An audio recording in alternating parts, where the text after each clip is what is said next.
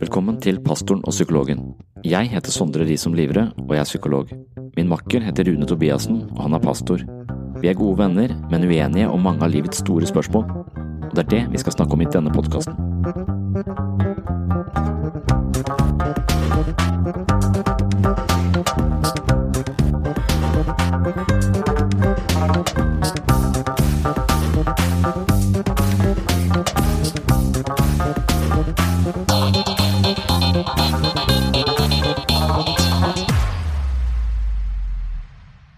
10.10.2018 arrangerte Cappelen Dam og jeg boklansering for Psykologens journal.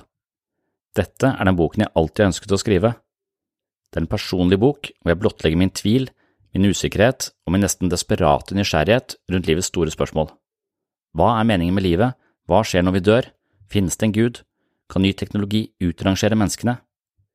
Det er veldig mange store spørsmål som mangler svar, og i den grad det finnes noen svar, så er de som regel så åpne og kompliserte at de først og fremst bidrar med flere ubesvarte spørsmål. Min måte å utforske livets mest intrikate spørsmål på har vært i møte med mennesker som tenker annerledes enn meg selv. Psykologens journal er en bok hvor psykologateisten, altså meg selv, tar med meg all min tvil inn i menigheter for å se om samtaler med religiøse mennesker kan ta meg dypere ned i våre mest grunnleggende eksistensielle vilkår. Denne boken har blitt det mest spennende og mest utfordrende jeg har gjort i mitt yrkesaktive liv. 12.9.2018 ble Psykologens journal sluppet ut i butikkene, og dersom du er interessert, håper jeg du klikker deg inn på webpsykologen.no for å skaffe deg et eksemplar. Her får du boken til best pris med gratis frakt og rask levering. Psykologens journal er ikke en bok som skal misjonere for verken kristendom eller ateisme, men en bok hvor jeg gjør mitt beste forsøk på å trenge inn i livets mysterier i møte med kloke mennesker som tror at det finnes en gud. Med andre ord håper jeg at dette er en bok for eh, både troende og ikke-troende, og kanskje til og med for eh, agnostikeren som ikke vet hva han skal tro, og ignostikeren som i utgangspunktet ikke tenker så mye over livets underfundigheter i det hele tatt. I denne episoden av Pastoren og psykologen skal du få være med på boklansering. En viktig del av prosessen bak Psykologens journal er mine samtaler med Rune Tobiassen. Han var også med meg på boklansering, noe jeg satte stor pris på. Vi hadde leid håndverkeren i Kristiansand sentrum, og allerede en time før arrangementet sto det lang kø utenfor lokalet. Egentlig var det kun plass til 200 mennesker, men de presset inn nærmere 300. Det var utrolig gøy at så mange tok turen for å få med seg boklanseringen, og jeg vil benytte anledningen til å takke alle som kom. Jeg vil også takke alle som følger pastoren og psykologen. Vi har hatt en lang pause, men nå har vi planlagt i alle fall sju nye episoder, sannsynligvis én ny episode hver fjorte dag. I slutten av mars 2019 skal vi blant annet til UiA og samtale på noe som heter for Skeptikeruka. Det vil altså si at Rune Tobiassen og meg selv er tilbake og blåser liv i pastoren og psykologen, og hvis du er en person som synes at det er bra, så kan du hjelpe oss på en ganske konkret måte. Du kan anbefale podkasten til venner og bekjente, dele den i sosiale medier, og best av alt, gi den tilbakemeldinger i iTunes. Gode skussmål i iTunes gjør at vi rykker opp på listene, blir mer synlig, og forhåpentligvis kan vi på den måten nå ut til flere lyttere som dveler i spenningsfeltet mellom tro og tvil. Takk til alle som allerede har gitt oss stjerner i iTunes, og tusen takk til alle dere som nå har tenkt å gjøre det. Anbefalinger og tilbakemeldinger hjelper vårt prosjekt, som altså handler om å stimulere interesse for eh, filosofi, psykologi, teologi og nysgjerrighet rundt livets mest sentrale spørsmål. Velkommen til en ny episode av Pastoren og psykologen, og velkommen til boklansering på Håndverkeren i Kristiansand sentrum en mørk oktoberkveld i 2018. En bok som heter Psykologens journal, som har vært et eh, mangeårig prosjekt vil jeg si, av forfatter Sondre Risholm Liverød, som dere skal få som det sikkert mange kjenner, men som skal, dere skal bli kjent med etterpå. For som ikke kjenner han så godt. Jeg vet ikke om det er noen som så uh, Nytt på Nytt på fredag. Kristine Koht sa til, til Peder Kjøs, han psykologen på TV, så sa hun at er du alltid 75 helt på det jevne sånn hvor bra du har det? Og da eh, fikk jeg inntrykk av at svaret var ja. Og i dag så tenker jeg vi skal treffe en psykolog som kanskje ikke er helt på 75% alltid. Eh, han, eh, han, har eh, Jeg skal ikke si så mye av det han skal si etterpå, men han har gått fra å være han er, Sondre er psykolog. Han jobber på, på sykehuset på, som terapeut, gruppeterapi. Og han har han har en blogg som er veldig, veldig mye lest. Han har, som heter Webpsykologen. Skal jeg kjenne den, så kan jeg anbefale den. Eh, han har en podkast som eh, har vært oppe blant de 50 mest hørte podkastene i landet. Og eh, er en veldig dyktig formidler av psykologi. Han tar store, vanskelige ting ned på et forståelig nivå. Eh, Opplegget i dag det er at Sondre skal, skal begynne med å ha en innledning. Eh, kanskje en halvtime. Og så skal han eh, Etter det skal vi ha det heldige å fått med oss Rune, Rune Tobiassen, som er prest i Østsida frikirke. Og eh, prest. Pastor. Eh, og eh, han har skrevet Han er spesielt interessert i trosforsvar. Har skrevet en masteroppgave i kristendom med dette som tema. Ikke helt direkte, men ikke så veldig langt unna. Sammen så har de to også en podkast som heter 'Pastoren og psykologen', som jeg kan anbefale hvis dere syns dette er interessant. Eh, Sondre sin podkast heter for øvrig 'Sinnsyn'. Og jeg tror at dette foredraget, foredraget denne lanseringa, blir publisert kanskje begge steder. Mm. Så før jeg slipper han helt til, så vil jeg bare få gratulere Før jeg sier det, så skal jeg si at det, boka blir å få kjøpe til utgangen etterpå. 350 kroner, det er maks rabatt.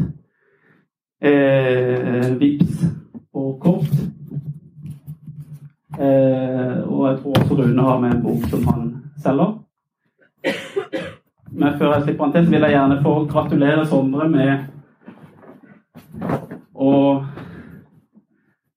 ha sluttført et mangeårig arbeid, og med å få lansere denne veldig spennende boka som jeg syns dere burde lese. Så gratulerer.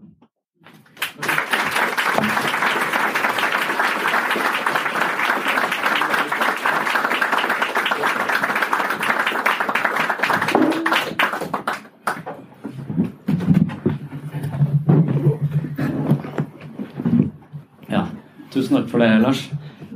Um, jeg skal til Tønsberg uh, og snakke om at alt du føler er feil neste uke. Det gruer meg til. Fordi at uh, jeg er fra Tønsberg, og der kjenner jeg så mange. Men jeg tror kanskje jeg kjenner enda flere i Kristiansand, så dette gruer jeg meg enda mer til. Jeg liker å snakke i byer hvor jeg ikke kjenner noen. For det er mye greier å drite seg ut. Så, så, kan du bare reise med fly. Og så trenger du ikke å reise tilbake til den byen på noen år. Uh, det kan jeg ikke nå. Så nå får jeg bare håpe at jeg ikke, ikke driter meg ut. Uh, jeg har skrevet den boka, da. Uh, og så litt med tanke på at jeg, jeg, gleder meg litt til denne lanseringen. Fordi at jeg syns at folk fortjener å høre en pastor snakke og drikke øl samtidig. det tror jeg er mangelvare. så der tror jeg du skal det er en nisje. Det var en kommentar på Facebook. Ja, det, det, det tror jeg folk vil like. Eh, og så skrev jeg den boka. Eh, skal se, jeg hadde et, et ark. Jeg skrev den boka fordi jeg syns at jeg var en drittsekk. Eh, og så står det 'modifiser det utsagnet'. står det rett etterpå. Og jeg, den, Denne boka har mange lag, på en måte, og, og en av de er at jeg eh, jeg har, har en, jeg har, lest veldig masse selvhjelpsbøker. Jeg har vært veldig interessert i selvhjelpsbøker. Jeg har lest uh, masse av de. Uh, og da har jeg plukket opp masse tips. Uh, og så Et av de tipsa var, var dette med å Du kan velge mellom å ha rett og ha gode relasjoner. og det er I utgangspunktet tror jeg det var Benjamin Franklin som, som skrev om det i sin, i sin selvbiografi, faktisk. Men så har det blitt adoptert. da, så og jeg tenkte at det var litt lurt, for jeg har veldig ofte vært opptatt av å ha rett. Og det har gått utover relasjonene mine. Og et av de stedene hvor jeg var mest opptatt av å ha rett, det var når det kom til religion. Da var jeg litt sånn Jeg kalte det Jeg var litt sånn rasshølateist, følte jeg. Så det var et av de punktene hvor jeg hadde størst utviklingspotensial, sånn jeg så det selv.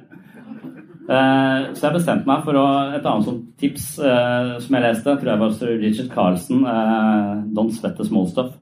Og der sto det at gå inn i en forsamling og tro at du er den eneste som ikke er opplyst, eller veit noe. Og det var også en sånn holdning jeg prøvde å ta til meg, men det klarte jeg ikke. Men likevel så, så har jeg da prøvd med viten og vilje bevege meg inn i miljøer og møte mennesker som jeg tenker annerledes om livets store spørsmål, om døden, om meningen med livet og, og mange andre dilemmaer som jeg tenker mye på, og som egentlig er utgangspunkt for mye sånn grubling i meg selv. Og som psykolog så mener man at folk skal møte problemene sine ansikt til ansikt, ikke prøve å sno seg unna.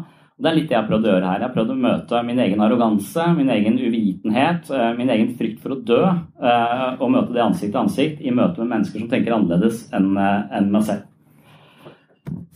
Så, så, det var et slags utgangspunkt for å skrive, skrive denne boka. Og jeg hadde tenkt å lese litt. Det var også en annen ting jeg gruer meg til. Det var å lese høyt, for det er aldri klart uten å gjøre feil. Så jeg pleier ikke å snakke for folk, men med en gang jeg skal lese, så, så jeg leste dette flere ganger i går så tenkte jeg du har dysleksi. tenkte jeg. Hvordan er det mulig å skrive tre bøker med dysleksi? Det... Men språkvaskeren han har retta bare 11.852 feil. Er det mulig? Så mange tegn er det ikke i boka. Det, ja, det, jeg er like sjokkert over hver gang jeg kommer tilbake fra sånn språkvask-greier. Men eh, nå skal jeg lese litt fra boka. Eh, også, uh, Jeg har valgt et, et um, utdrag fra starten hvor du på en måte blir kjent med rasshøl-ateisten. litt overfladisk, sånn dum sånn, hva skal si, kritikk av, av religion. men også avslutte da med, et, med de motargumentene jeg da møter med mennesker som tenker annerledes enn meg selv om disse, disse tingene. Når man skal skrive en bok, har man muligheten til å fremstå som litt bedre enn det man egentlig er. Det er nok en fristelse jeg også faller for. Men nå skal du få møte meg på mitt verste. Det ringer på døren. Jeg åpner og sier hei til to mennesker i slutten av 20-årene. De spør om jeg har tid til å snakke med dem om Gud. Jeg nøler. Selv om jeg er veldig interessert i religion, virker det litt invaderende, og i tillegg er jeg full av fordommer mot Jehovas vitner. I min jobb som, psykoterapeut møter jeg stadig mennesker som er utstøtt av dette trossamfunnet. Og for mange av dem betyr det en ganske ensom tilværelse. De er kultivert inn i en bestemt livsstil med bestemte holdninger. Når de ytrer sine egne meninger eller blottlegger sin tvil, risikerer de utestengelse. I tillegg til at de våger å være kritiske til bærebjelkene i sitt eget livssyn, noe som i seg selv er en eksistensiell utfordring, blir de stående helt alene. Mange av dem er så vant til omgangsformen i menigheten og mangler erfaring fra andre sosiale settinger at det blir vanskelig å etablere seg på nye arenaer. Depresjon, angst, usikkerhet og en følelse av fremmedgjøring er symptomene de presenterer dersom de velger å søke hjelp i psykisk helsevern. De to vitnene ser på meg med et vennlig blikk, men jeg ser også at de forventer å bli avvist. Hvor mange ganger føler de seg forsmådd i løpet av en ettermiddag, tenker jeg, for jeg forsøker å avvise dem så skånsomt som mulig. De driver en vervekampanje for sitt eget trossystem og på sett og vis er det en viss logikk i det. Dersom jeg selv var overbevist om at jeg hadde det eneste kartet som viste vei til et liv etter døden, ville jeg også følt et etisk ansvar overfor mine medmennesker. Jeg kan forstå at de forsøker å overbevise andre. Samtidig syns jeg det er irriterende. Beklager, jeg tror ikke dere får så mye ut av å snakke med meg. Tror du ikke på Gud, svarer de. Nei, sier jeg. Men ønsker du ikke at livet skal fortsette etter døden? Det siste spørsmålet irriterer hjernen min, men treffer hjertet mitt. Jeg er redd for å dø, og ettersom jeg ikke kjøper de himmelske teoriene, mistenker jeg at denne frykten forsterkes. Kanskje er det døden som tema som gjør at jeg ikke lukker døra umiddelbart. Jeg blåser meg opp og lader mitt verbale gevær med de beste argumentene jeg kommer på i farta. Det finnes en mann i Irak som mener at det er rett og rimelig å ha så mange som fire koner, og han tror at han dømmes til helvete hvis han spiser svinekjøtt. Han tror at alle mennesker er født som muslimer, men at mange foreldre konverterer sine barn til falske religioner. Han tror ikke at mennesket har utviklet seg fra andre arter men er sikker på at Adam og Eva ble skapt av Gud som de første menneskene på jorda. Denne mannen bor i Irak, og det er mange andre som han. Det finnes en dame som tror at Jesus er Guds sønn. Hun tror at Jesus ble født av en jomfru. Du tror at han eh, ble drept, men at han sto opp fra de døde. Du tror at Jesus lytter til hennes bønner, og at han kan utføre mirakler som går i de troendes favør. Denne damen bor i Norge, og det er mange andre som henne. Det finnes en mann som tror at han er reinkarnert opptil flere ganger. Han tror at det er mange guder, selv om han fortrinnsvis forholder seg til en av dem. Han vil ikke spise biff fordi han tror at det guddommelige gjennomsyrer alle ting, og kuer symboliserer et vesen som gir til andre på uselvisk vis. Denne mannen bor i Bombay, og det er millioner av andre mennesker som han. Det bor en dame i Los Angeles som tror at hun har levd mange tidligere liv. Hun må, hun må bearbeide sine forhenværende liv gjennom en form for renselsesprosess utført av en terapeut med en elektronisk anordning. Hun er sikker på at spirituelle vesener som kalles tetaner, invaderte jorden for flere tusen år siden, og at disse utenomjordiske åndsarbeiderne er årsaken til en del av våre lidelser og negative følelser. Hennes nabo tror at blodoverføring er synd, og at hun vil, hun vil kategorisk nekte å motta blod, også på vegne av sitt barn, selv om de kom ut for en ulykke hvor tilførsel av blod var livsviktig. Lenger nede i gata bor en mann som har på seg en spesiell form for undertøy som beskytter ham mot syndige tanker. Han betraktes som hellig, og han tror på dåp for de døde, hvor levende personer døpes på vegne av døde. Og så er det dere, da, avslutter jeg, og ser på de to vitnene som stiller overbærende tilbake. Dere tror, så vidt jeg vet, at Guds rike faktisk er en helt reell regjering med tilholdssted i himmelen. Opprettet i 1914, ledet av Jesus Kristus og 144 000 spesielt innvidde mennesker fra jorden. Først trodde jeg at det bare var håp for de 144 000, men i forrige uke var det to andre vitner her som fortalte meg at det fantes en god ordning for de troende som blir tilbake på jorden. Slik jeg forstår det, er det en slags ledelse i himmelen som er i ferd med å forvandle jorden til et paradis uten sykdom og død. Og det høres fantastisk ut, men for meg virker det for godt å være sant. Jeg tror det er sludder og pølsevev. Av alle absurde ideer det er mulig å tro på, syns jeg at deres teori ligger på topp ti-listen. Jeg trekker pusten, tror jeg er ferdig, men så kjenner jeg at en ny salve er på vei. Jeg forstår ikke hvorfor de to vitnene ikke snur ryggen til meg. De er nok for høflige.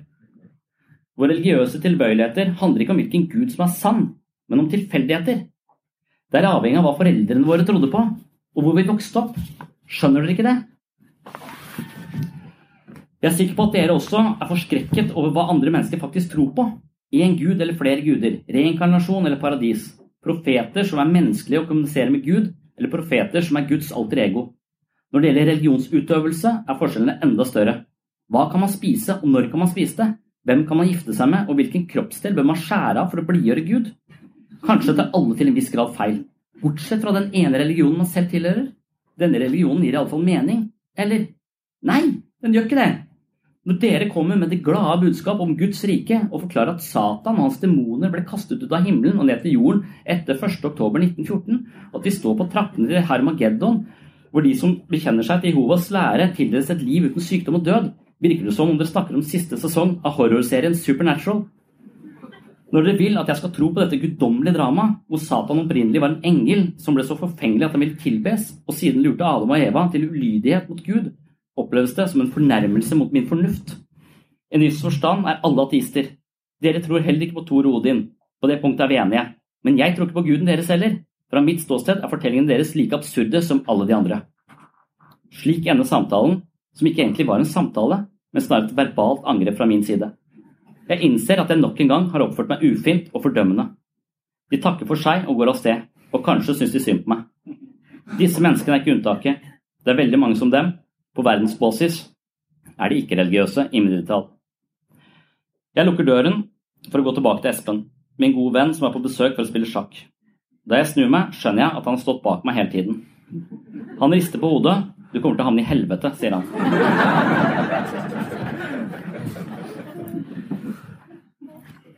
Deretter bruker Espen noen sider på å forklare meg hvorfor jeg tar feil i det jeg akkurat har sagt. Hvis du lurer på hvorfor de argumentene er dårlige, så må dere kjøpe boka.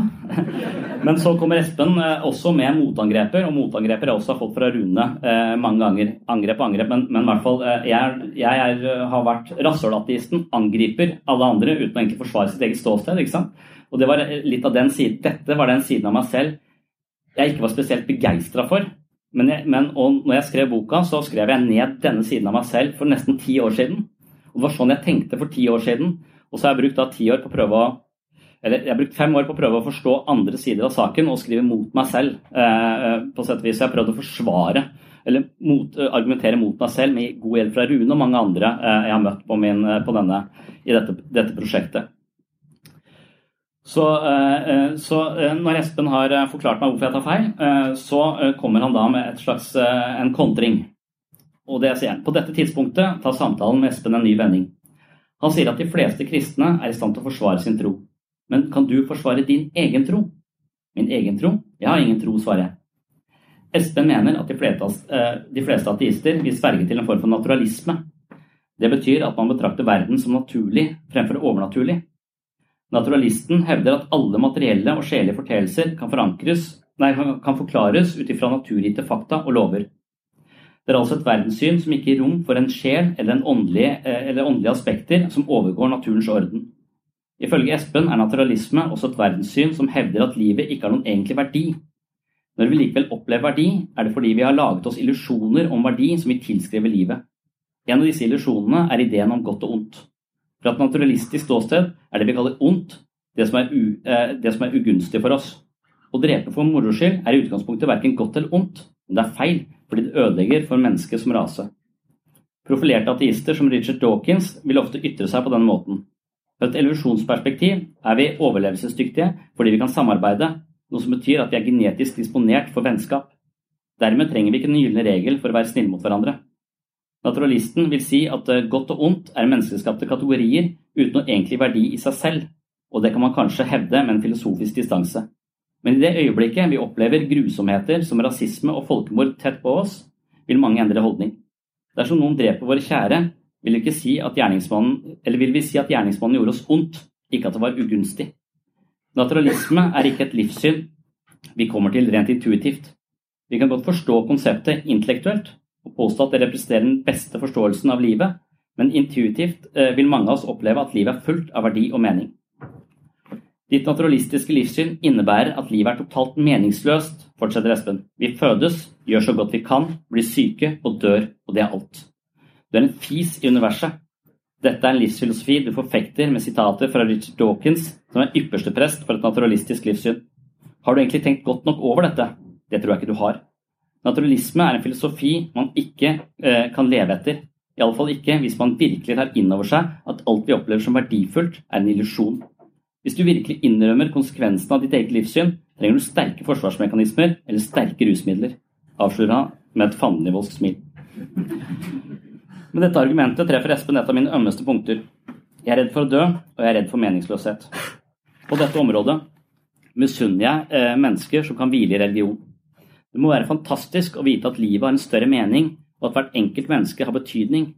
Det må, være, det må også være betryggende å vite at livet ikke er noe man har til låns i en gjennomsnittlig periode på 83,4 år for kvinner og 79,4 år for menn, men noe som strekker seg langt utover våre tilmålte år, år på jorden.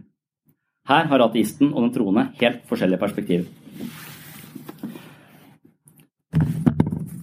Så det var, eh, det var meg på mitt, eh, på mitt, verste.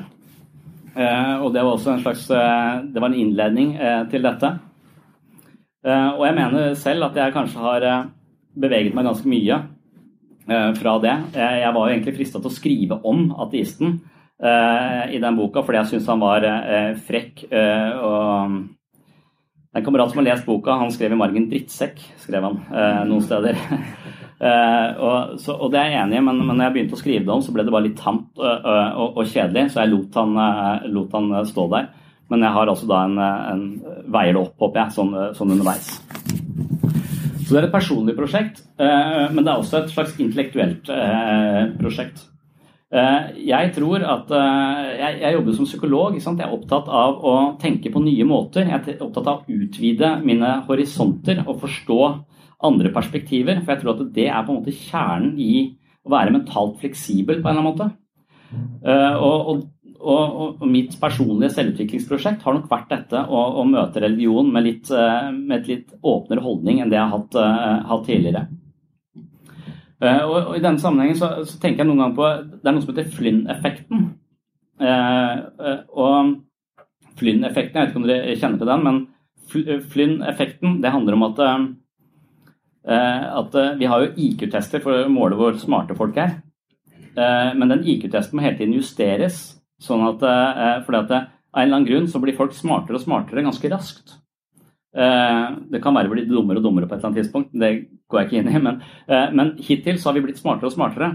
Så eh, hvis eh, her inne i dag vil gjennomsnittet ligge på 100 IQ. Det er gjennomsnittet for befolkningen. Så det er noen som er litt under og noen som er litt over. Men gjennomsnittet skal ligge på 100. Så hver gang eh, IQ-testen ikke gir oss et gjennomsnitt på 100, så må de justeres, gjøres litt vanskeligere. Så hvis vi i dag tok en IQ-test fra 1930-tallet, så hadde vi i gjennomsnitt skåret 130. Eh, så dermed har vi justert den hele tiden, så nå skårer vi gjennomsnittlig 30. Men vi kan ikke forklare Vi har, vi har ikke fått noe større hjerne siden 1930-tallet. Eh, selve maskinen vår er, er den samme. Så, så, det må være andre forklaringer på hvorfor vi har blitt smartere. Og jeg tror at En av forklaringene er at vi har fått nye måter å tenke på. Vi tenker annerledes om ting. Eh, og, jeg tror at det, det er noen som sier at det, det, er ikke så mye hus man kan bygge ved å bare bruke nevene. Og det er ikke så mye tenkning man kan gjøre med å bare bruke hjernen. Så noen ganger så tenker jeg på meg selv som en iPhone. Altså, det som skjer i mitt indre liv, er at jeg får nye måter å tenke på. Jeg får installert nye apper. Og hver gang en telefon får en ny app, så klarer jeg noe nytt. Og da blir det litt smartere. Så forskjellen på meg og en fra 1930 er at de fra 1930 hadde færre apper enn det jeg har nå. Så jeg har nye måter å tenke på. Det har skolen gitt meg, det har eh, livet gitt meg. Og vi, på en måte, vi, vi, får hele tiden installert nye apper i hodet vårt. Og det er en del av psykologifaget også, er å installere og, for, og prøve å lese og forstå og, og finne nye måter eh, å, å, tenke på. Og en sånn måte å å utvide eh, våre horisonter og installere nye apper på, er jo nettopp å, å, å gå inn i, i, i, møte med mennesker som tenker helt annerledes, prøve å leve oss inn i helt nye perspektiver som på utgangspunktet strider imot det vi tenker fra før. Og I min jobb som, eh, som psykolog så er det veldig mye det jeg driver med. Altså, eh, jeg ser av og til på mine pasienter som fundamentalister. Eh, de er hyggelige fundamentalister, men de er likevel fundamentalister i den forstand at de ofte har et veldig negativt syn på seg selv. De har et ganske fastlåst og negativt syn på seg selv. Og dette synet tror de på. De tror at det er en objektiv sannhet om dem. De har blitt fortalt det mange ganger at de ikke er like gode som andre, f.eks. Mange sliter med depresjon, sliter med lav selvfølelse. Og de har da en slags idé om at eh, jeg er mindre verdt enn andre, så jeg bestiller meg bakerst i køen. Men denne eh, forestillingen eh, er jo litt eh, snever, og ofte så er disse forestillingene vi har om oss selv, installert av andre folk. Altså, vi, har et, vi har en hjerne med også et operativsystem, og andre mennesker har fortalt oss mye om hvordan de opplever oss, og de, hva de synes om oss. Og det adopterer vi ofte, og det blir, kan bli en del av vår egen selvfølelse. Hvis du møter folk som hele tiden kritiserer deg, eller overser deg, eller, og, eller behandler deg dårlig, så kan det bli en del av din egen måte å se deg selv på. Og når du har adoptert den måten, så eier du den, og da har blitt din. Og hvis du tenker at du er litt dårligere enn andre, så stiller du deg alltid bakerst i køen. Blir litt usynlig, kommer litt for seint. Uh, og når du kommer da, uh, på en måte når livet blir vanskelig, og du eventuelt kommer til meg som psykolog, så har du masse bevis på hvordan du er dårligere enn uh, en andre, alle andre. Og jeg mener det er en fastlåst og litt rigid måte å tenke om seg selv på.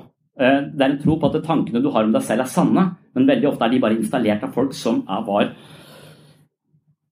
noen idioter når du vokste opp. Mobbere, eller hva det skulle være, som, har, som har, blitt en del av din, eh, din, selvfølelse. Så evnen da til å tenke annerledes er helt sentral. Evnen til å utvide perspektivene sine og forlate noen måter å tenke om seg selv på til fordel for noen nye, er, ganske, eh, er helt sentrale, men det er også vanskelig. For det er kjempevanskelig å forlate en måte å se seg selv på.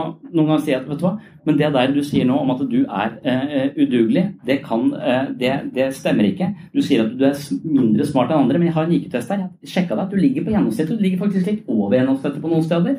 Så det at du tenker at du er mindre, eh, eh mindre begavet enn eh, folk flest, det er feil. Det er noe du går og tror, og noe du oppfører deg som om du er. Og da blir det en sannhet. Du mangler litt mengdetrening fordi du alltid unngår utfordringer. Så du er nødt til å begynne å se annerledes på deg selv. Og det kan man tenke Oi, så, så fint. Da, da, går jeg også, og så tar jeg det innover meg. Men det er vanskelig for folk. Det å plutselig begynne å se på seg selv helt annerledes, det, er, det skaper ganske mye angst. Du må ta mer ansvar. Folk kommer til å regne med deg. Du, du på en måte, Det å endre grunnleggende perspektiver på livet og seg selv, det, er angstprovoserende. Du må forlate noe. Noe dør til fordel for, uh, for noe nytt. Uh, og en av de Så, eh, så, en av de eh, Jeg tenker at Min prosess her har vært personlig, men også vært intellektuell i det at jeg har på en måte prøvd å tenke nytt om ting jeg før mente var uh, sant.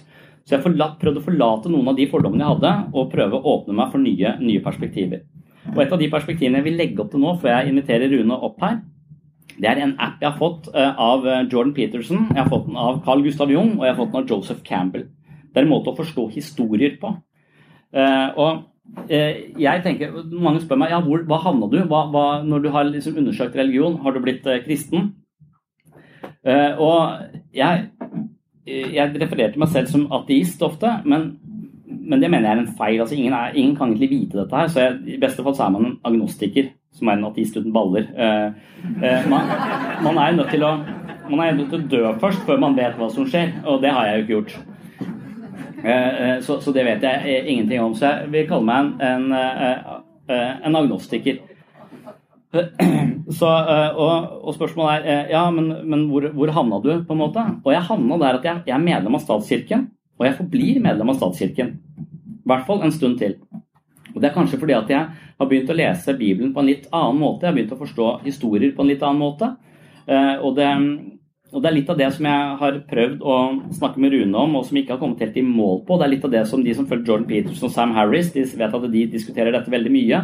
Og det er litt av det samme, eh, samme tingene jeg eh, har, skrevet om i denne boka, mer med referanse til, til Carl Gustav Jung, for han er veldig interessert og, og Joseph Campbell. Eh, så ideen er kanskje eh, for meg at eh, at selv om ting Når du kritiserer religion fordi du mener at jomfrufødsel er helt umulig, så bommer du litt på fortellingen. Jeg tror ikke på jomfrufødsel, men jeg tror at det illustrerer noe. At disse fortellingene har en type dybde og en eller annen kunnskap innleiret i seg som vi kanskje ikke gjør lurt i å kaste over bord og være sekulære og, og forlate religion fullt og helt. Eh, så, så, så jeg er litt sånn, jeg tenker eller et, et, etter kapitlene, så må, Det er så mange kapitler. Jeg har snakket om døden, jeg har snakket om kunstig intelligens. Det er mange ting der. Men et av de, de tingene som er det siste som har, har vært meg nær, er dette med, med, å forstå mytologi eller forstå historier på en annen måte. Og at kanskje disse fortellingene har noe ved seg som, som vi bør lytte, uh, lytte til. Og en del av en, del av det, liksom, Når jeg er psykolog, så er jeg også litt opptatt av, av drømmer. Og jeg tror at det, Sånn som Sam Harris er veldig opptatt av en sånn uh, nevrotype som, uh, som, er litt kverulerende, men som jeg også er veldig sånn, opptatt av og fulgt i mange, mange år. Uh, men han, han, er for at vi skal tenke rasjonelt på ting. Vi trenger ikke disse gamle historiene for, for å leve. og Vi bør bare forholde oss til rasjonalitet, eller det, det rasjonelle og fornuftige. Men jeg tror ikke at det rasjonelle og fornuftige snakker til oss på riktig måte alltid. Så kan godt, jeg kan godt si til folk at du burde drikke tran.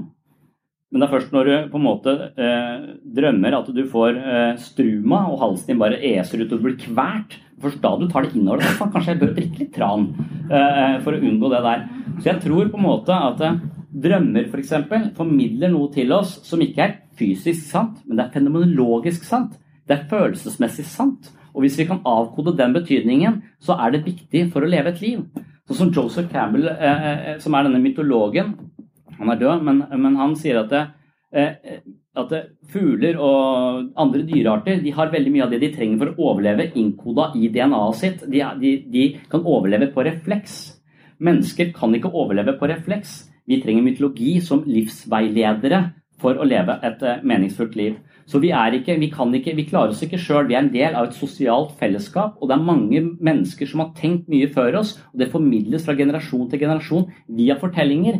Og hvis vi kaster da disse gamle visdomstradisjonene og gamle fortellingene ut med badevannet, så tror jeg kanskje vi står litt ute et mentalt immunforsvar. Jeg tror kanskje på et eller annet nivå vi trenger de, men da er vi nødt til å lese de på en litt annen måte. Vi trenger ikke å tro på jomfrufødsel eller, eh, eller at folk står opp fra de døde, men vi kan kanskje tenke at de formidler et eller annet viktig budskap, og da kan være uavhengig om Gud eksisterer eller, eller ikke. Eh, så, så, for meg så har disse fortellingene fått nytt liv når jeg har begynt å lese dem med litt andre briller. Eh, og, og, og, det er litt sånn som, og det, har jeg veldig, det ligger veldig nært mitt fag, da, å være psykolog. Altså, drømmer er, er, noe som vi er opptatt av. En av veilederne mine sa at eh, terapi uten drømmer er som lunken champagne. Så drømmer er viktig. Freud snakket om drømmer som kongeveien til det ubevisste. Og 95% av det vi foretar oss i løpet av en dag, er ubevisst. Og det å forstå mer av det ubevisste, det kan gi oss større kontroll, mer innsikt i hvem vi er og hvilke mål vi setter oss, istedenfor å gå bare på autopilot og la det folk har fortalt oss at vi er, bare styre livet vårt. Vi må være mer oppmerksom på hva som foregår uh, uh, her inne. Uh, og jeg tror at disse drømmene våre kan åpne dette på, på en ganske spennende, spennende måte. Jeg pleier ofte å snakke om mine egne drømmer i den sammenhengen. og, og nå har jeg tre barn. og Uh, og, hun ene hadde en tendens til å våkne veldig mye på, på, natta. Og når du våkner mye på natta, så husker du drømmene dine mer. Fordi at uh, du våkner i den drømmesøvnen, mens uh, mange husker ikke drømmene sine. Men jeg husker drømmene mine veldig tydelig nå. Og det siste jeg drømte for et par dager siden, det var at, at jeg var hjemme. Og så var det den eldste dattera mi som, som, beveget seg rundt i huset. Men så hadde jeg en hadde, var et slags mareritt, for det, var, det kom type beskjeder inn i dette huset om at noen skulle ta livet av henne. Eh, eller hun skulle på en måte lide en eller annen forferdelig skjebne. Men det var, det var, jeg fikk ikke disse beskjedene konkret, de var, jeg bare visste det. Så jeg gikk rundt huset og prøvde å finne ut av hvem er dette, hvordan kan jeg forsvare uh, dette, dette, huset. Og dattera mi satt jo ikke stille, hun beveget seg rundt hele tiden der inne. Så jeg, ikke, jeg, jeg manglet kontroll, på en måte. Og, og, og, når jeg begynte å tenke på den drømmen selv, så tenkte jeg at hva, hva, er frykten? Frykten er at du mister dattera di. Hvordan mister du dattera di? Ved å jobbe for mye. Eh, det var, eh, det var det, eh, som det første jeg tenkte på. Du mister dattera di hvis du bare driver og skriver bøker og, og, og sitter med nesa i telefonen hele tiden, ikke er oppmerksom på at hun er der. Eh, så det var en viktig, eh, en viktig, eh, vekker for meg. Og så var det en god kollega som sa at ja, men samtidig så beveger hun seg rundt. Hun forlater jo dette huset, og da er hun i hvert fall i fare. Så hun er jo nå eh, ni år, og hun begynner å gå veldig mye på egen hånd. ikke sant? Og du har ikke kontroll lenger. Du er på en måte i ferd med å miste henne der også, og det er skummelt for deg. Og det tror jeg var veldig riktig. Så jeg tror det er mange aspekter ved dette, og jeg tror det er mange måter å tolke dette på. Men det treffer meg i hjertet, og det gjør meg oppmerksom på at jeg kanskje bør endre litt kurs i livet mitt. Og jeg tror fortellinger, mytologier, treffer oss på den måten. Eh, og jeg tror kanskje at, eh, at f.eks. Gamletestamentet er et kollektivt mareritt. Eh, med en eller annen viktig innsikt som vi bør få med oss.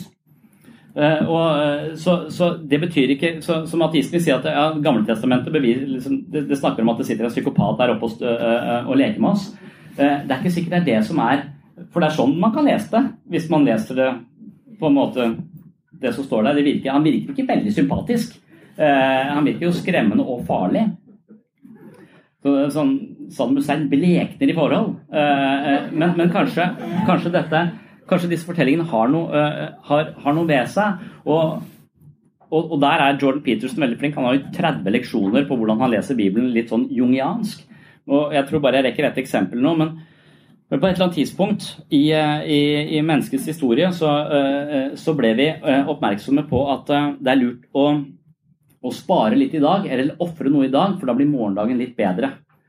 Så hvis vi, hvis vi, jobber litt ekstra i dag, står på litt ekstra nå, så kan det være at fremtiden blir litt, litt bedre for oss. Så vi begynte å tenke fremover. Og, og hele klatremushistorien handler om det. Klatremus er ikke flink til å tenke fremover, han vil bare snylte på andre. Så han kommer til å, å fryse i hjel på et eller annet tidspunkt. Selv om han danser rundt i Dyreparken hele tiden. Eh, så, men, men, det å eh, ofre noe i dag for at fremtiden skal bli, eh, skal bli, bedre, kan være den innsikten som også på en måte materialiserer seg i fortellingene våre og blir til Gud. Altså Gud er denne instansen som dømmer oss langt der fremme i forhold til hvordan vi oppfører oss i dag. Uh, og, det, er et, uh, det, er en måte å se det på. Det er, en innsikt, det er noe der. Det er noe livsveiledende, fortellende over å se disse historiene i, i dette lyset.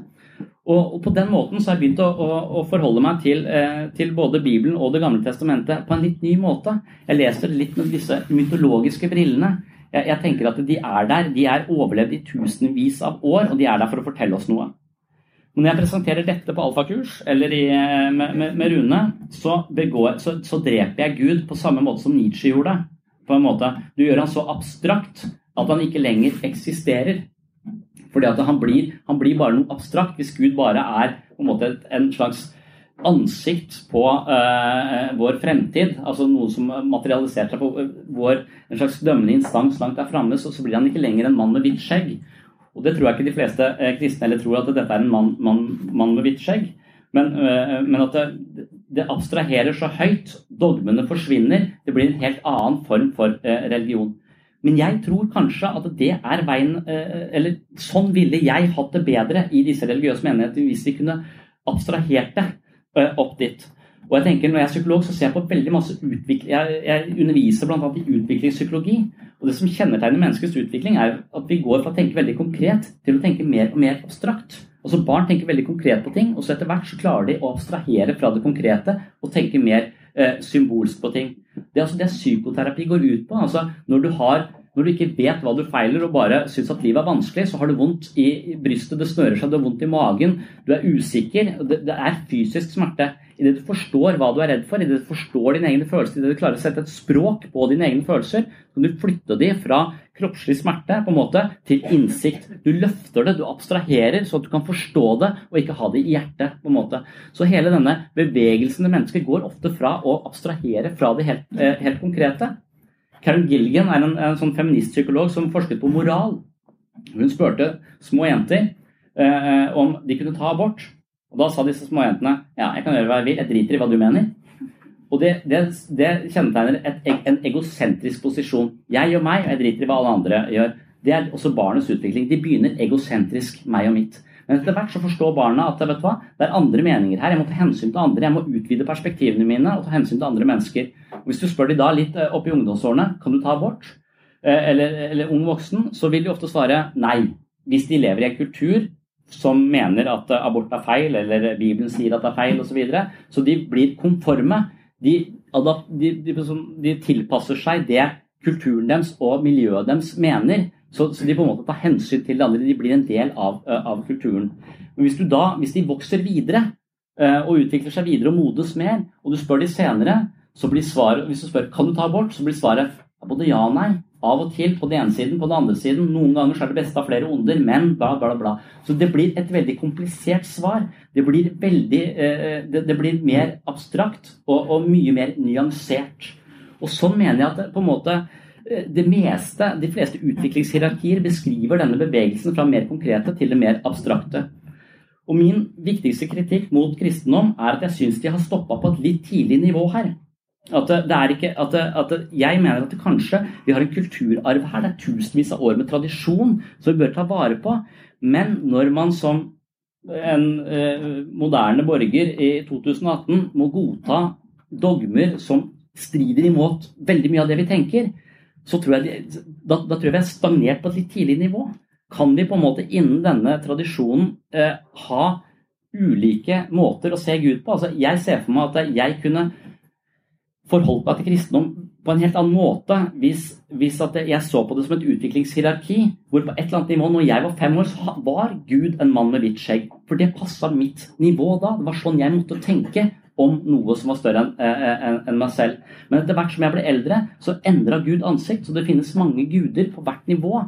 Det er kanskje den samme guden, men han ser annerledes ut hele tiden. Fordi vi vokser, og vi har muligheten til å vokse inn i dette religiøse eh, systemet. Så Som mennesker så tror jeg vi har mange utviklingslinjer. Jeg tror vi har en kognitiv utvikling, jeg tror vi har en emosjonell utvikling, en moralsk utvikling, en motorisk utvikling. Og vi beveger oss oppover, og vi blir flinkere og flinkere. Michael Jordan er guddommelig god i basketball. Han er helt på toppen. Uh, han kan hoppe høyere. Tyngdekraften gjelder ikke for han faktisk. Så god er han uh, uh, i, i, basket. Og jeg mener at Tibet eller buddhisme har et litt mer, for meg, et litt mer sofistikert religiøst system hvor det er mulig å vokse ganske høyt. Mens pga. disse dogmene i kristendom så sitter vi fast på et litt lavt nivå. Eh, og jeg skulle ønske at vi kunne åpne dette og fortsatte forholde oss til denne tradisjonen. For det er noen argumenter som mener at det, idet vi bare er sekulære og ikke forholder oss til disse felles fortellingene som ligger i kulturarven vår, så er det Netflix som dikterer hva vi eh, ser, og hva slags historier vi får. Og, da, og YouTube og YouTube har noen algoritmer som kommer til å dra deg ned i et sort hull etter hvert. Det er min erfaring. Hvis du først begynner å høre på Jordan Peterson, så kommer en eller annen som Ben Shapiro, og til slutt så er du så langt ute på høyresida og fremmedfiendtlig at du veit ikke og, hvis du da røyker en del hasj oppe på natta, så, så, blir, så bomber du regjeringa på et eller annet tidspunkt. Så det å la på en måte vårt verdigrunnlag dikteres av av algoritmene til Google, Facebook, YouTube og Twitter, det tror jeg ikke er så lurt. Det kan være vi bør uh, tenke oss litt om og begynne å lese disse uh, fortellingene vi har uh, fra tusen med tradisjon, på en litt annen måte, og gi rom for vekst innenfor det. For en idé er jo at Hvis vi tror på det samme, så har vi et slags felles grunnlag. Vi kan forstå hverandre. Vi samles rundt noe. Det, jeg har også sett på mange fordeler med å være religiøs, og fellesskap er en av de. Liksom, dette gode fellesskapet, Vi kan forstå hverandre, vi har et felles utgangspunkt.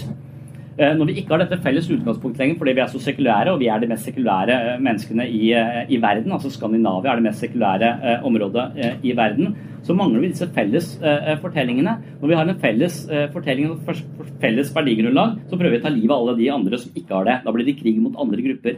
Men når vi ikke har noe felles, så kan det være at vi forvitrer fra innsiden. Det er i hvert fall et argument jeg har støtt på i denne, i denne prosessen. Og Da kan det være at vi trenger disse felles fortellingene, men at vi må ha muligheten til å vokse innad uh, i det. Og da tror jeg, Rune, du må uh, komme opp og um, uh,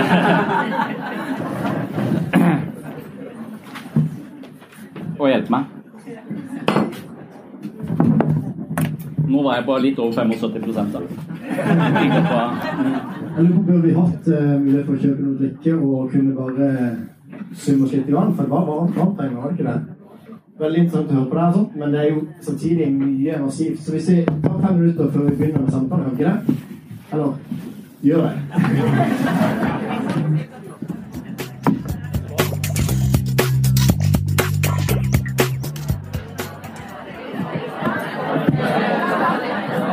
Så det er klare til å begynne igjen.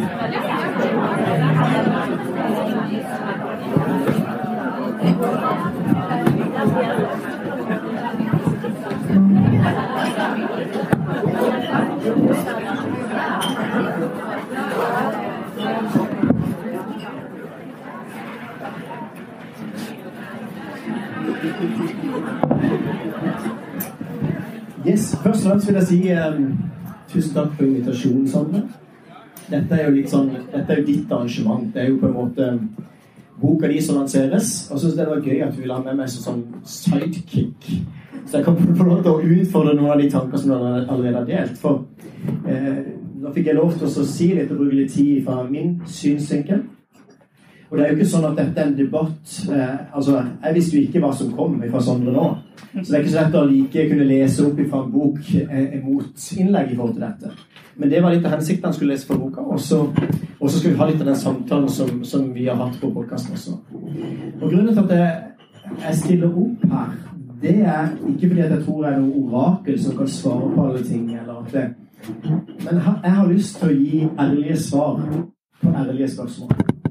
Jeg har lyst til at det skal være en samtale om disse viktige spørsmålene. Og da er det utrolig fint å kunne ha det på en pub i Kristiansand. Eh, med gjerne øla i hånda og kunne ha samtalen på den arenaen. For ofte så fungerer den samtalen bare den samtalen fungerer ofte bare i kirka. For hvis du skal gjøre det over hekken, eller hvis du skal gjøre det når du henter i barnehagen og sånn, hva tror du meninga med livet? Så er jo litt sånn det, det, er litt krevende å få den dype samtalen der. Og det er veldig kult med deg, Sondre, når du kom og var Kanskje på en måte så var vi litt sånn eksperiment for deg. At du kom til Østsida frikirke. Du var med der på et alfakurs. Og det alfakurset det er en sånn arena som vi på en måte har ti kvelder hvor vi sitter og snakker om hva er meningen med livet. Hvorfor er vi her? Hvor skal vi her? Det er ikke så mange av de arenaene. Og det synes jeg var kult at du også sa For du, du hadde veldig sånn, jeg var veldig, jeg var veldig rørt når du sa etter det alfakurset, så sa du at men Rune er ikke enig om alt. Men jeg har blitt møtt med respekt. Og det er et sted hvor vi kan snakke sammen om de dypere ting. Om tro og tvil osv. Og Det synes jeg var en veldig fin tilbakemelding. Jeg satte veldig pris på den. og det har også sagt til deg. Og at vi da også har tatt opp tråden litt etterpå og hatt noen samtaler hvor det er respekt for hverandres ståsted, og hvor en kan på en måte være venner og samtidig være uenige. For jeg må jo si at av og til så blir den samtalen som foregår i media, eller i forhold til enten Du også snakka litt om den derre eh, rasshølartisten, eh, som vi gjerne også har fått igjen gjennom nye artistene. Richard Dawkins, eh, Sam Harris, Hitchens Mange av disse som på en måte har en aggressiv tone imot religiøse, religiøse miljøer. Eh, som du også kjente deg igjen i. Og som du også på en måte forteller at det, det ikke fører ikke godt med seg. Og Derfor så syns jeg det er viktig å ha den dialogen og kunne snakke om det. For jeg, vi kan utfordre hverandre. Og Og jeg opplever det at um, den samtalen som skjer eh, imellom oss mennesker, der må vi ha respekt. Jeg kan være dypt uenig med deg, men jeg vil faktisk dette høres veldig, men jeg vil faktisk dø for at du skal kunne mene det du mener. Det er ikke mine ord. Dette er Voltaire. Filosofen Voltaire som definerer hva toleranse er. Og toleranse er utrolig viktig. At ikke det handler om at alt er like sant. Og Det har du også skrevet litt om i boka di. At der er vi deg enige. At vi kan ikke ha en relativisme hvor alt er like sant. For da blir alt likegyldig, og det blir en likegyldighet som vi gjerne kan få i samfunnet som vi har i dag. Hvor ikke jeg kan si at jeg tror jeg har funnet sannheten. For hvis jeg sier det, så sier jeg indirekte at du tar feil. Og dermed så er jeg intolerant. Og det er veldig farlig å komme dit i samfunnet at vi på en måte blir intolerante i det vi hevder at vi tror at vi har sannheten.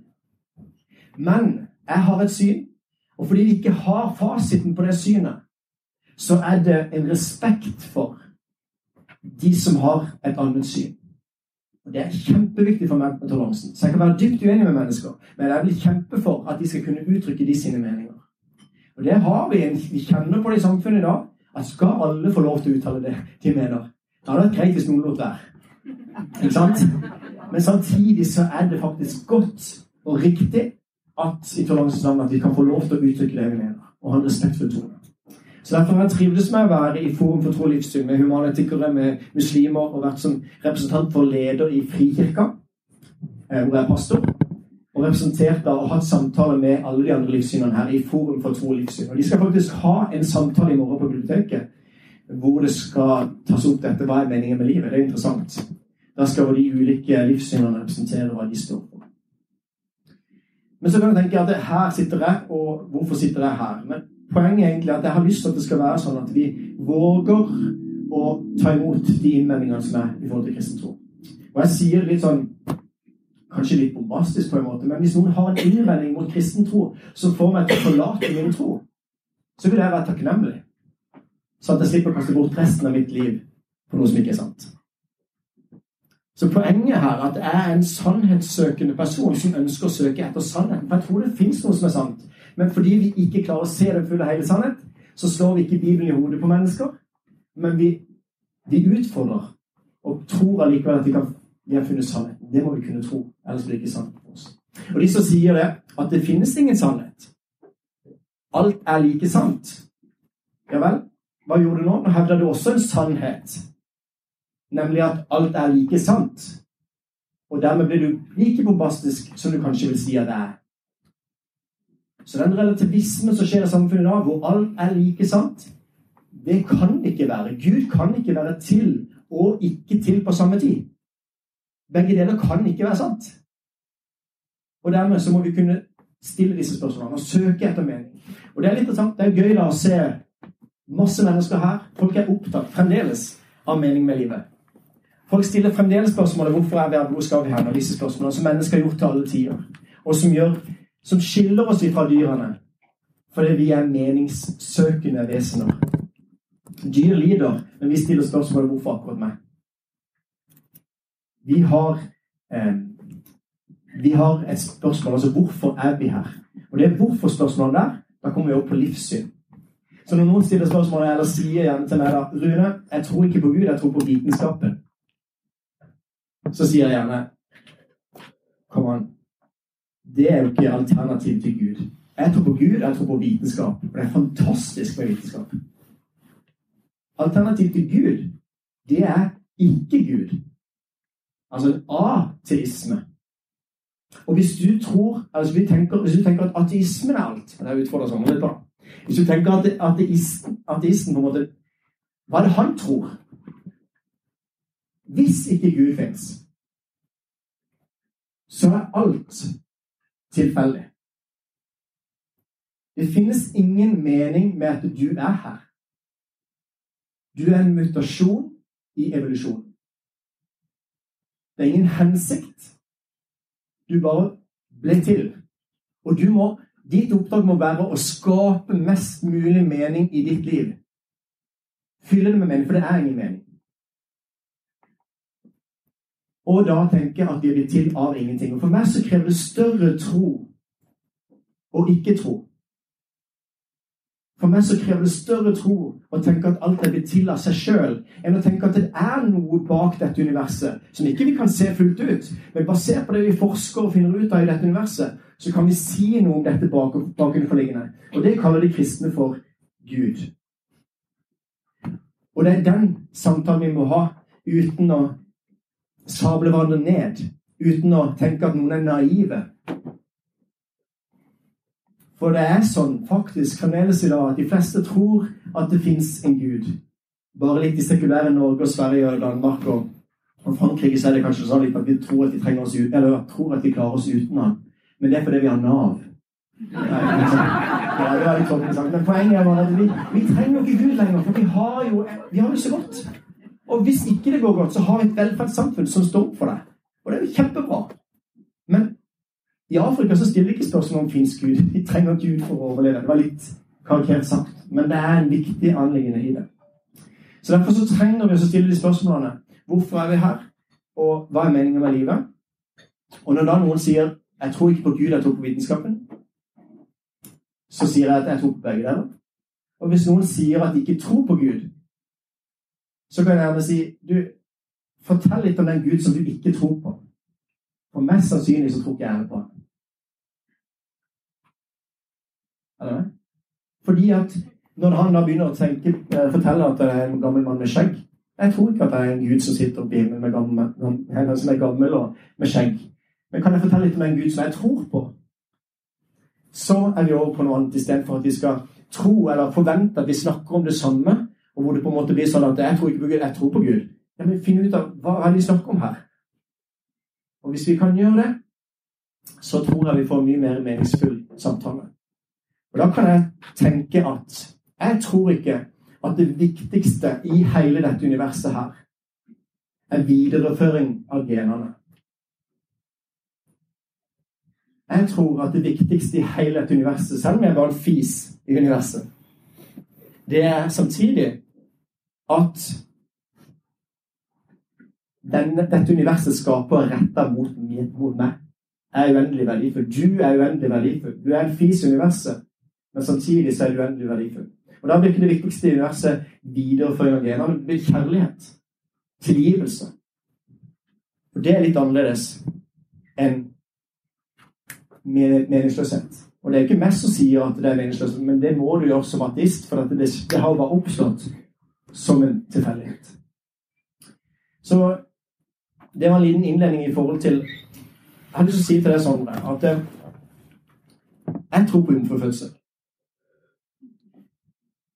Og jomfrufødsel det er ikke fordi at jeg begynner der og tenker at ja, det er kjempelett å tro på. Men jeg stiller spørsmålet hva hva er det største under i Bibelen? Det står i første Mosebok kapittel 1, vers 1. I begynnelsen skapte Gud. Hvis det er sant, så er det piece of cake med de undrene som ellers skjer i livet. Det er enkelt å dele et hav. Det er enkelt å mette 5000 med noe fem brød, to små fisk. Det er, det, er piece of cake. Hvis du er Gud. Hvis Gud fins, så er det lett. Så Derfor så bruker jeg ikke tid på jomfrufødsel. Jeg bruker heller tid på fins Gud. Fins Gud. Og da mener jeg at det er mer argument for å tro at Gud fins, enn at den ikke fins. Så nå er vi rett på kjernen. For meg så setter du deg fast akkurat der, da. For, det, eh, for, for meg så å si at jomfrufødsel uh, har forekommet, er på en måte vitenskapsfiendtlig. Uh, for du mener at et eller annet utenomjordisk kan på en måte annullere universets lover. Uh, og, og, det har vi ikke noe Det mener jeg ikke vi har godt belegg for å tro. Nei, men da har du som utgangspunkt en, en, en vitenskapelig teori på at da må alt som vi skal tro på, kunne hende mange nok ganger til at det mest sannsynlig skal skje igjen. Og Hvis da noen bryter med det, så, så, kan vi ikke tro på det. Historisk kritisk metode på en måte vil jo være ut ifra dette. Men samtidig, hvis det er sånn da at hvis Gud står bak universets lover, så er det stort sett sånn at lovene eh, de er jo eh, sånn at de fungerer. Hvis ikke ville det jo ikke vært et under når det ble et brudd med disse lovene. Og det som er interessant, er at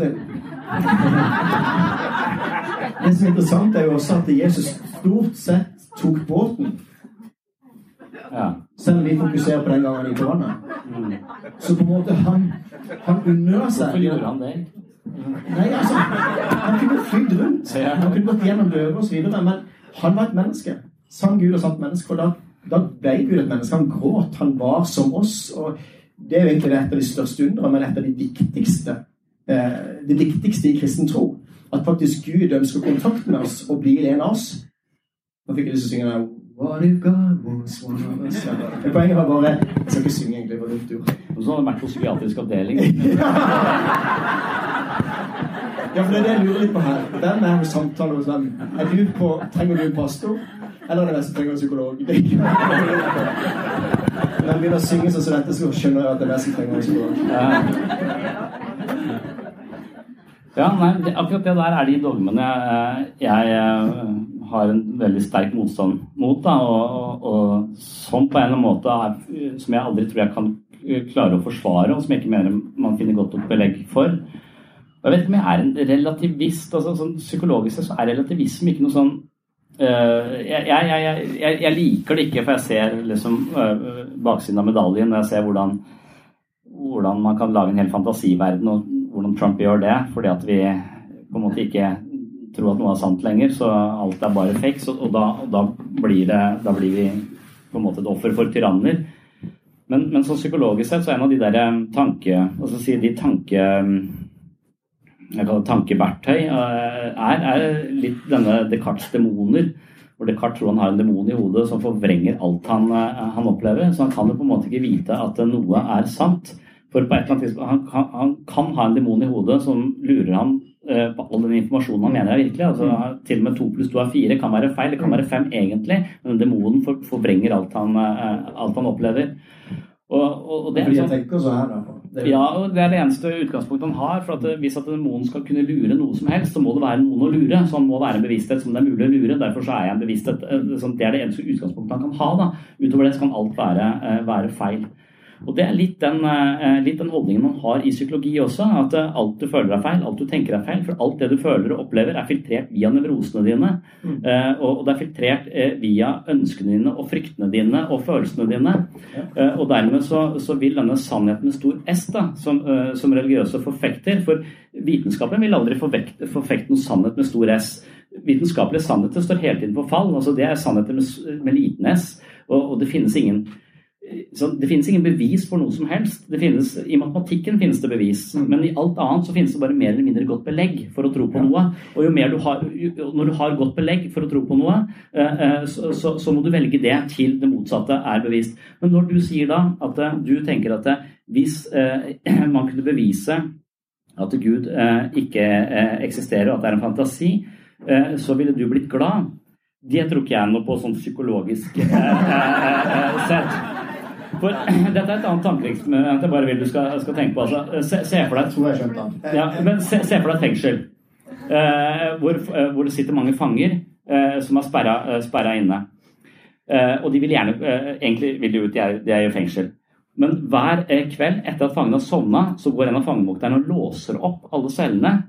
Eh, og så står de helt åpne hele natta. Så i prinsippet så kunne de bare stukket av.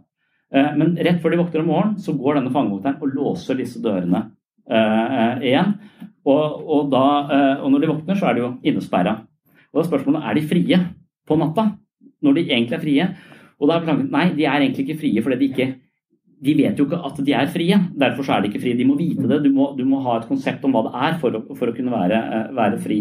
Det er en sånn type eh, tankeverktøy som man kan, eh, kan tenke litt på. Men, men, mitt poeng er at mange av mine, de menneskene jeg møter, som er redde og har mye angst og, og, uro, de kan man faktisk vekke på natta og si at vet du hva, døra er åpen, du kan bare stikke av.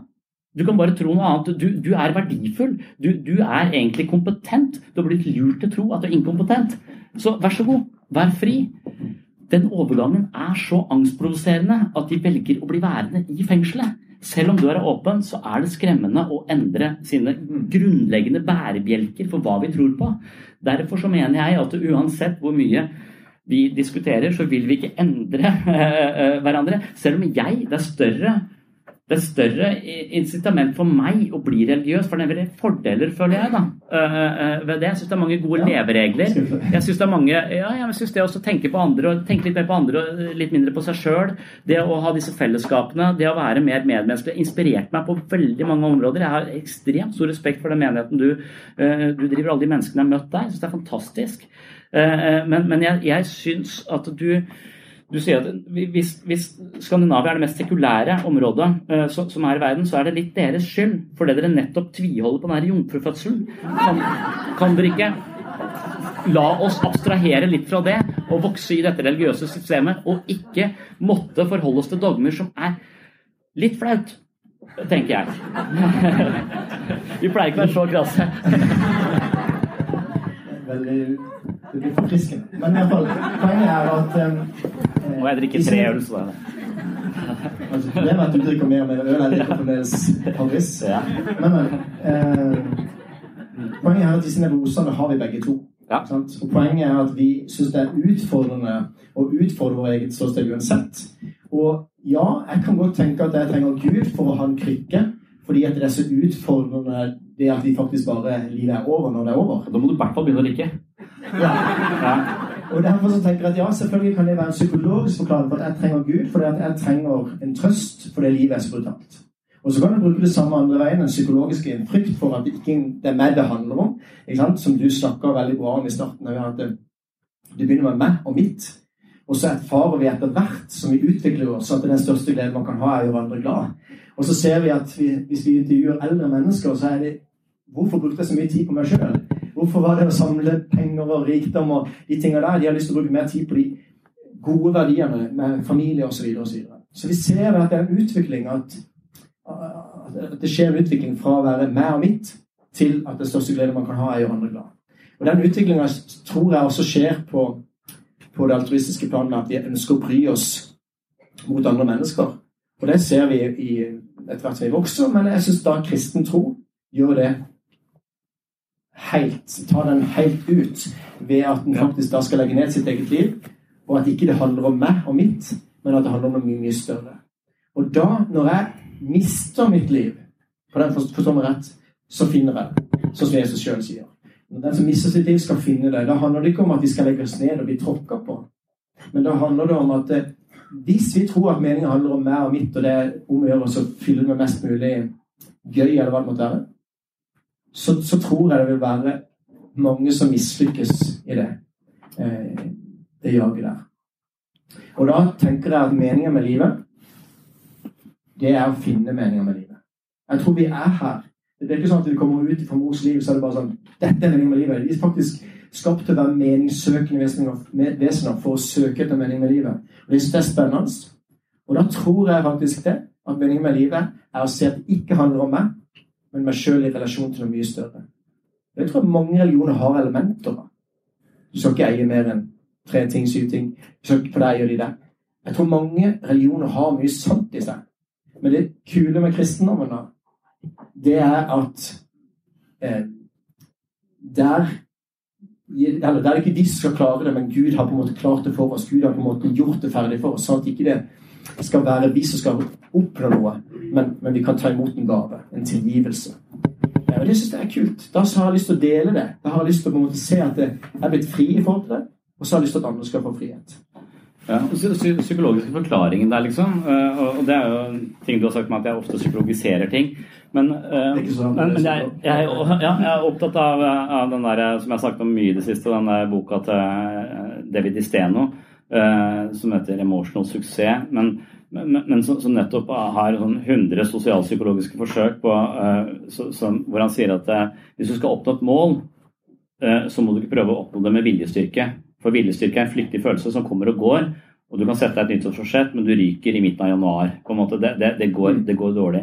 Så det å oppnå noe, det handler om altså, vår evne til å utsette umiddelbar behovstilfredsstillelse for å nå et langsiktig mål. Mm. Det har en sosial komponent. For det evolusjonært sett så er vi på en måte sosiale dyr. Vi er kobla til flokken. Så vår evne til å ofre egne behov for uh, flokkens ve og vel, det er der vi evner å nå langsiktige mål. Vi ofrer noe for gruppa, sånn at gruppa på lengre sikt skal, uh, skal, uh, skal ha det bra.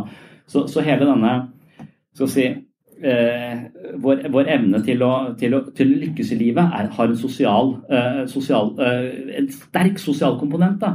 Så når jeg prøver å få folk til å slutte å drikke eller slutte å ruse seg eller, eh, eller eh, slutte å bare gå på de hvite feltene og telle hele døgnet, så, så er det så, de har masse symptomer og mange forskjellige symptomer, men veldig mange av de er, lever ensomt, er ensomme, føler De kan godt ha mange mennesker rundt seg, men de klarer ikke å, å skape nære forbindelser til andre mennesker som er betydningsfulle. Og jeg tror med en gang du klarer å få et betydningsfullt relasjon til en annen Mange har jo disse 'jeg må prestere noe', eller 'jeg tenker at jeg må være noe annet enn det jeg egentlig er', for folk vil komme til å avvise meg, ikke like meg hvis jeg ikke har på meg den sosiale masken osv. Så, videre. så det er veldig ekstremt mange operativsystemer som sørger for at vi hele tiden spiller en eller annen rolle som hindrer oss i å ha nære relasjoner. Men det vi klarer å få mennesker til å, å, å åpne seg og være mer i pakt med seg selv, så klarer de ofte å skape nære relasjoner, og der er det 100 ganger lettere å slutte å drikke. Dersom det hullet kan fylles med relasjoner. Og Da er det ikke så, uh, så rart at Dalai Lama hele tiden ber oss om å meditere på medfølelse og kjærlighet. Eller at Gud, eller Jesus vil vende det andre kinnet til og snakker om kjærlighet og Gud som kjærlighet osv. Så, videre. så at alle de store visdomstradisjonene vet dette. Det er universets sanger. Det er sunget for alle mennesker. Det formidles eh, til oss via historier fordi det er lurt. Og det er noe veldig lurt i det.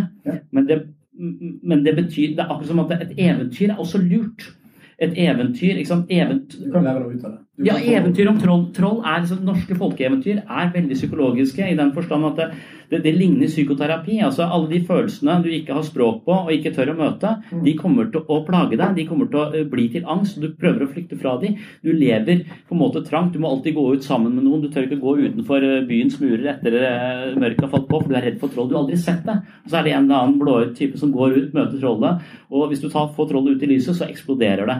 Og Det er den sannheten. Så det er så mange varianter av disse eventyrene som formidler noe til mennesker. Du må møte frykten din, for i unnvikelsen så kommer den frykten å ta livet av deg. Du kommer til å leve trangere og trangere og trangere, og trangere, og du på en måte forvitrer fra innsiden. Du, du, får symptomer, og du går til grunne. Du er nødt til å møte livets utfordringer, møte trollet, for da eh, vil det på en måte eventuelt eksplodere, finner du navntroll osv. Så, videre. så det er kunnskap i de fortellingene.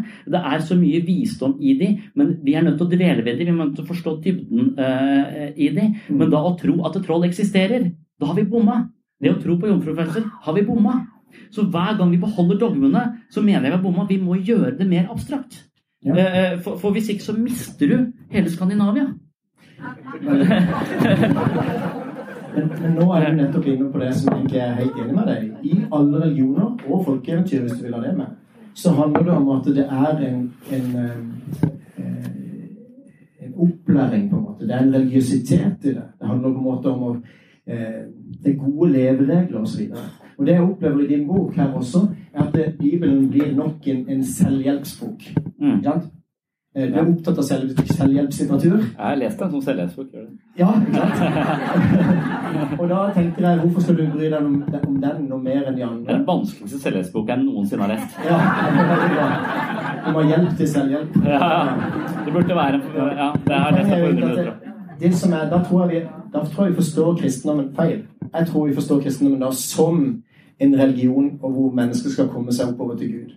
Eh, det som jeg erfarer med kristendommen som skiller seg ut fra andre religioner eller folkeeventyr, det er det at, eh, at eh, det handler nok om at vi skal komme oss opp til Gud. Og Hvis ikke vi klarer det i dette livet, så får vi et nytt liv med et litt bedre utgangspunkt. For å komme oss opp til det endelige målet. Eller som buddhisten gjør, å komme opp når nirvana, som ikke har Gud. Men allikevel så handler det om å komme oss oppover og nå det endelige målet til slutt. Og når ikke klarer det dette livet, eh, så får vi et nytt bedre utgangspunkt. Eller du klarte det ikke. Dine gode gjerninger veide mindre enn de dårlige gjerninger. Altså, du går ikke til paradis. Det er islam. I islam så handler det på en måte om dette med flere gode gjerninger. Det er faktisk profeten Isa, Jesus, som skal dømme der. Det er interessant. Men, men det er flere gode gjerninger enn dårlige. Da, hvis alle vil, så kommer du til paradis. Men i kristen tro så er det jo nettopp den forståelsen mange har av kristen tro, hvor det, hvor det liksom du skal være flink og du skal få til det kristne livet. Men det er ikke derfor jeg er kristen. Jeg er kristen fordi at jeg ikke klarer dette livet. Fordi at jeg tror at hvis jeg skal komme i nærheten av en Gud som er helt perfekt Så hvis Gud skal bare si ja, men Rune, du er nesten perfekt, så vil ikke Gud være noe nesten perfekt. Hvis Gud er helt perfekt, så vil den minste tingen som er galt i mitt liv, ikke kunne komme i nærheten av en rettferdig og kjærlig Gud. Og da tenker jeg at Det skiller kristen tro fra de andre. At ikke vi skal prøve å bli bedre og bli flinkere og bli bedre som mennesker, men vi innser at vi ikke har sjans. Gud, jeg trenger hjelp. Jeg trenger at du tilgir meg for alt det gale jeg har gjort. Tilgir meg, eller tar imot, Jeg ønsker å ta imot den gaven Gud gir. Så nå er, nå er vi inne på kjernen i kristen tro, hvor det egentlig kan oppsummeres i korset. Derfor ofte vi går med korset. Det er viktig som en kristen. Det er jo fordi at Gud vil en rettferdighet og vil ta et oppgjør med det onde som har skjedd i våre liv. Gud vil straffe det onde som har skjedd, som Hitler gjorde, eller Anders Behring Breivik gjorde. Gud vil ta et oppgjør med det. Og Som ateist må man bare leve med det. Men jeg ønsker og lengter etter en rettferdighet skal skje en dag. Og den rettferdigheten, vil, da vil Gud ta et oppgjør med det onde. Problemet er når det gode og det onde er i mitt hjerte.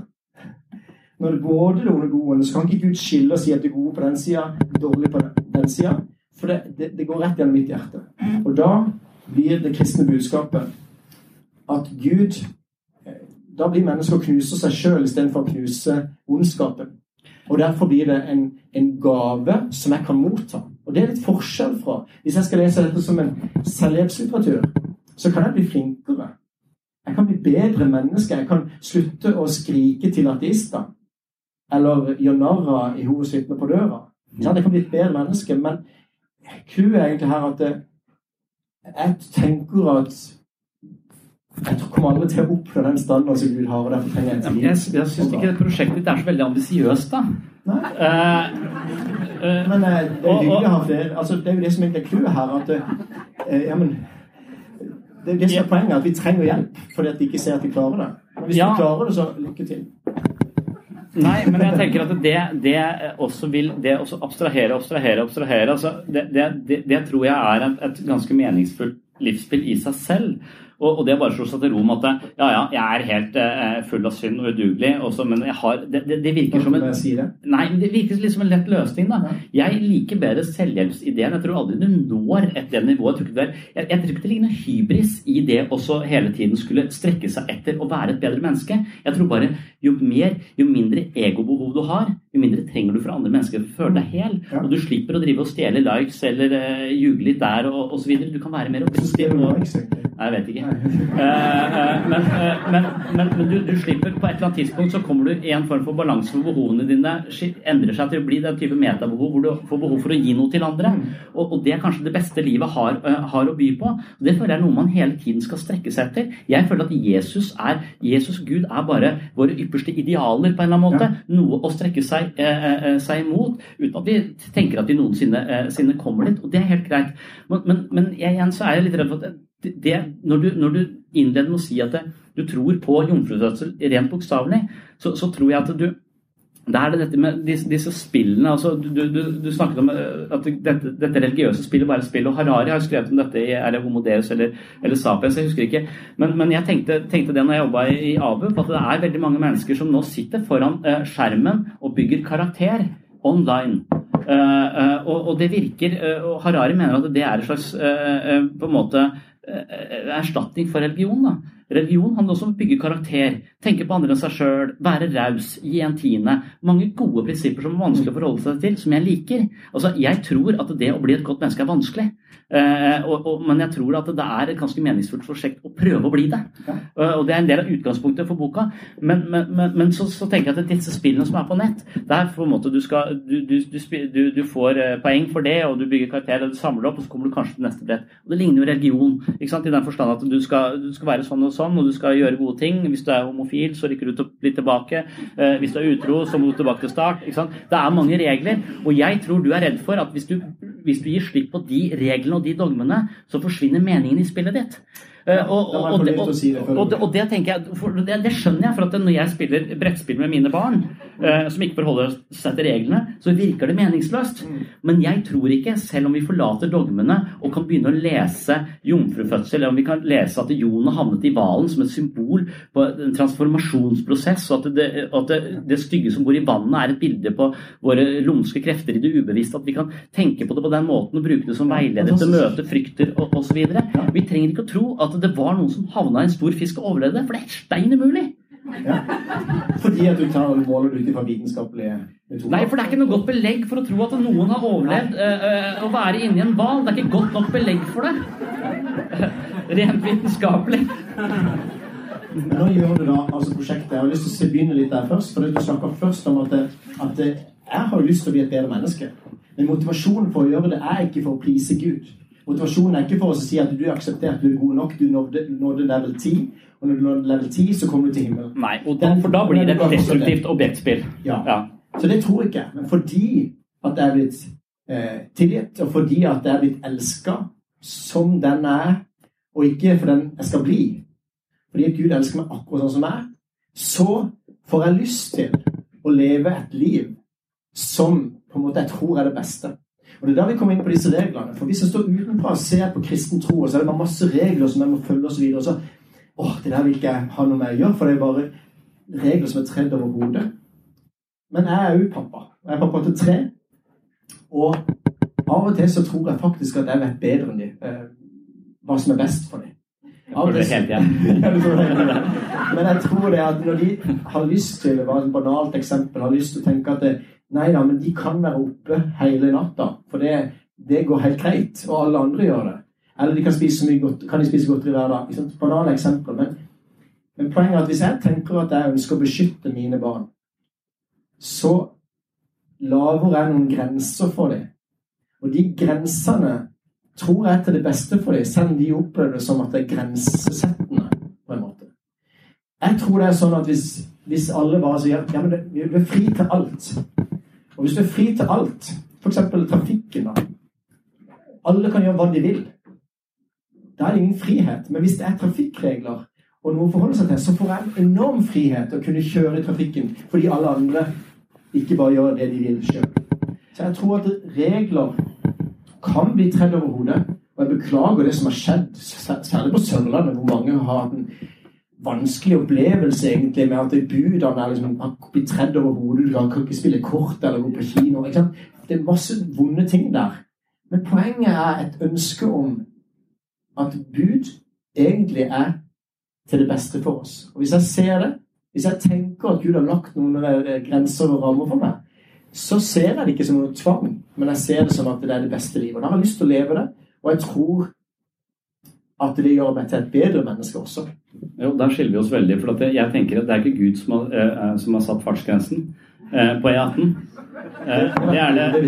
Ja, jeg skjønte det, men det er, det er på en måte Vegvesenet. Og, og grunnen til at de har gjort det, er på, er de har erfaring på at det å kjøre i den fartsgrensen eh, kommer Da kommer vi fram i tide med minst mulig eh, dødsfall underveis. Mm. Og det er et empirisk spørsmål. Det, det handler om å undersøke hva som er best for flest mulig folk. Og vi kommer til konklusjoner. Så, så den typen moral som er på en måte utenomjordisk og stadfesta og skrevet i stein, eh, som vi skal på en måte tilpasse et, et samfunn i dag Det er helt enig i regler, men de reglene trenger ikke å være guddommelig gitt. De kan vi bygge på erfaring. Derfor så vil moral hele tiden være i forandring. Fordi vi skjønner at det, det å behandle kvinner, det å putte de eh, under et teppe er kanskje ikke så lurt, men det henger de nakne på, eh, på Narvesen er kanskje heller ikke så lurt. Du mener. Ja, så så, så, så, så at vi, vi kan via stadig mer erfaring utvikle Vi beveger oss også der eh, moralsk sett så skjønner vi mer og mer av hva som er best for flest mulig folk. Mm. Og, det, og, det, og det kan vi implementere i samfunnet vårt, og det er sånn vi vokser. Ja. Ikke å tviholde på